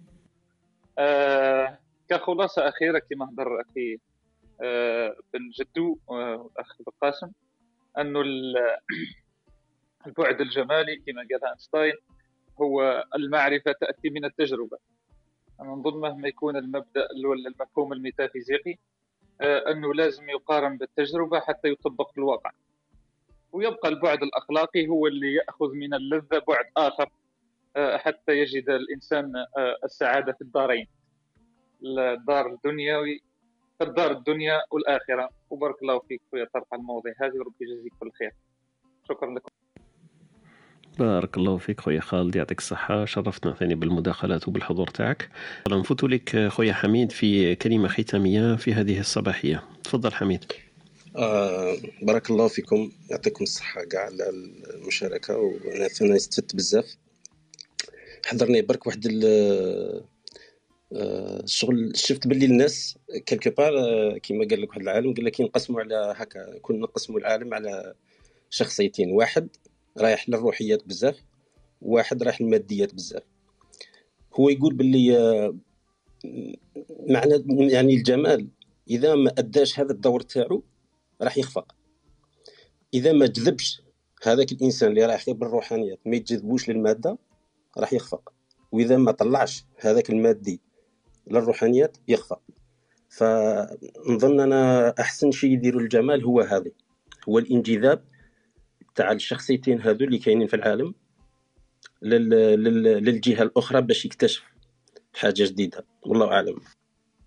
بارك الله فيك خويا حميد يعطيك الصحة وشكرا ثاني المداخلة تاعك والحضور تاعك. أه نسلموا على خاوتنا اللي يلتحقوا بنا كمستمعين اليوم. إن شاء الله يكون إن شاء الله الاستفادة عامة ولحقتهم هما ثانيك. أه خونا كمال حريزي يعطيك الصحة وشكرا على الاستماع تاعك والمواظبة. خونا ليزيد أه, آه، خوتنا حميدة خونا أحمد وهبة إيمان آه، بن عبد الله ريان. خالد آه، عبد القادر عسامة آه، خونا سفيان خونا عقبة خونا صالح هذوما كامل كانوا معنا في هذه الصباحيه كمستمعين. وثانيك الأساتذة اللي طلعوا معنا في ستيج كان معنا دكتور بالقاسم الأستاذ محمد الأستاذ يوسف خوتنا أميمة كانت معنا وهبة ثاني كانت معنا في هذا الصباح. donc ما عارف إلا يوسف مازال معنا ولا راح؟ يوسف؟ يوسف هايزنبرغ. خليني أنا نقول في بلاصتي ما راهوش خليني أنا نقول في بلاصتو يروح ادي la portion تاعو أعطيني كسكروت تاعو قول لي. ايا قول قول. c'était trop beau pour être vrai c'était trop beau pour être vrai يا سيدي أنا عم نقلش. بارك الله فيك. انت راك تلخص تلخص الفرنسيسية نتاعو. بارك الله فيكم كامل. أنا ما يسع لي إلا أن أشكركم كلكم إن شاء الله. أنا استفدت يمكن أكثر واحد فيكم. بارك الله فيكم على المداخلات بارك الله فيكم على المشاركة على التعليقات ونذكركم باللي كاين الموقع تاعنا اللي هو ستوديو تيري dot FM donc تلقاو فيه التلخيص المسجل تاع الحلقة هذه كامل وكل الحلقات اللي حكينا فيها منذ قبل. donc راهم كامل محطوطين في الموقع هذا كبودكاست يمكن تسمعوا لها بهدوء وبروية. تلقاوها في ال Apple Podcast في Spotify في Google Podcast في أي حاجة تسمعوا بها البودكاست تاعكم. بحثوا برك على ستوديو نقطة تي وديروا بودكاست. donc ستوديو نقطة تي بودكاست. ولا بحثوا على ستوديو تيري dot FM والبودكاست تاعنا donc يمكن تعقبوها الناس يمكن يستفيدوا منها ولا يسمعوها على روية و... ويكون إن شاء الله تعم الفائدة والمعرفة لأكثر أكثر عدد ممكن إن شاء الله. آه، نترككم في رعاية الله وحفظه. إن شاء الله تكون آه، تعقبوا يوم آه، يوم مليح.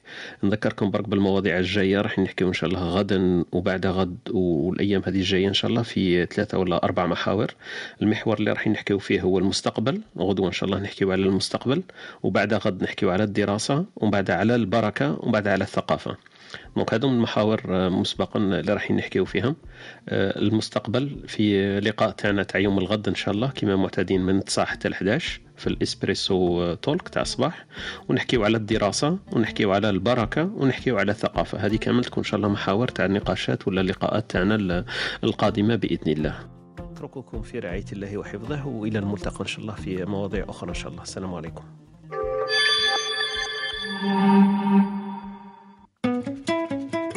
أنتم تستمعون إلى إسبريسو توك مع طارق. يأتيكم يوميا من الثامنة إلى الحادية عشر. تجدون فيها موسيقى، حوارات، أقوال، عبر وعبارات. استمتاع واستفادة يوميا. استمتاع واستفادة يوميا.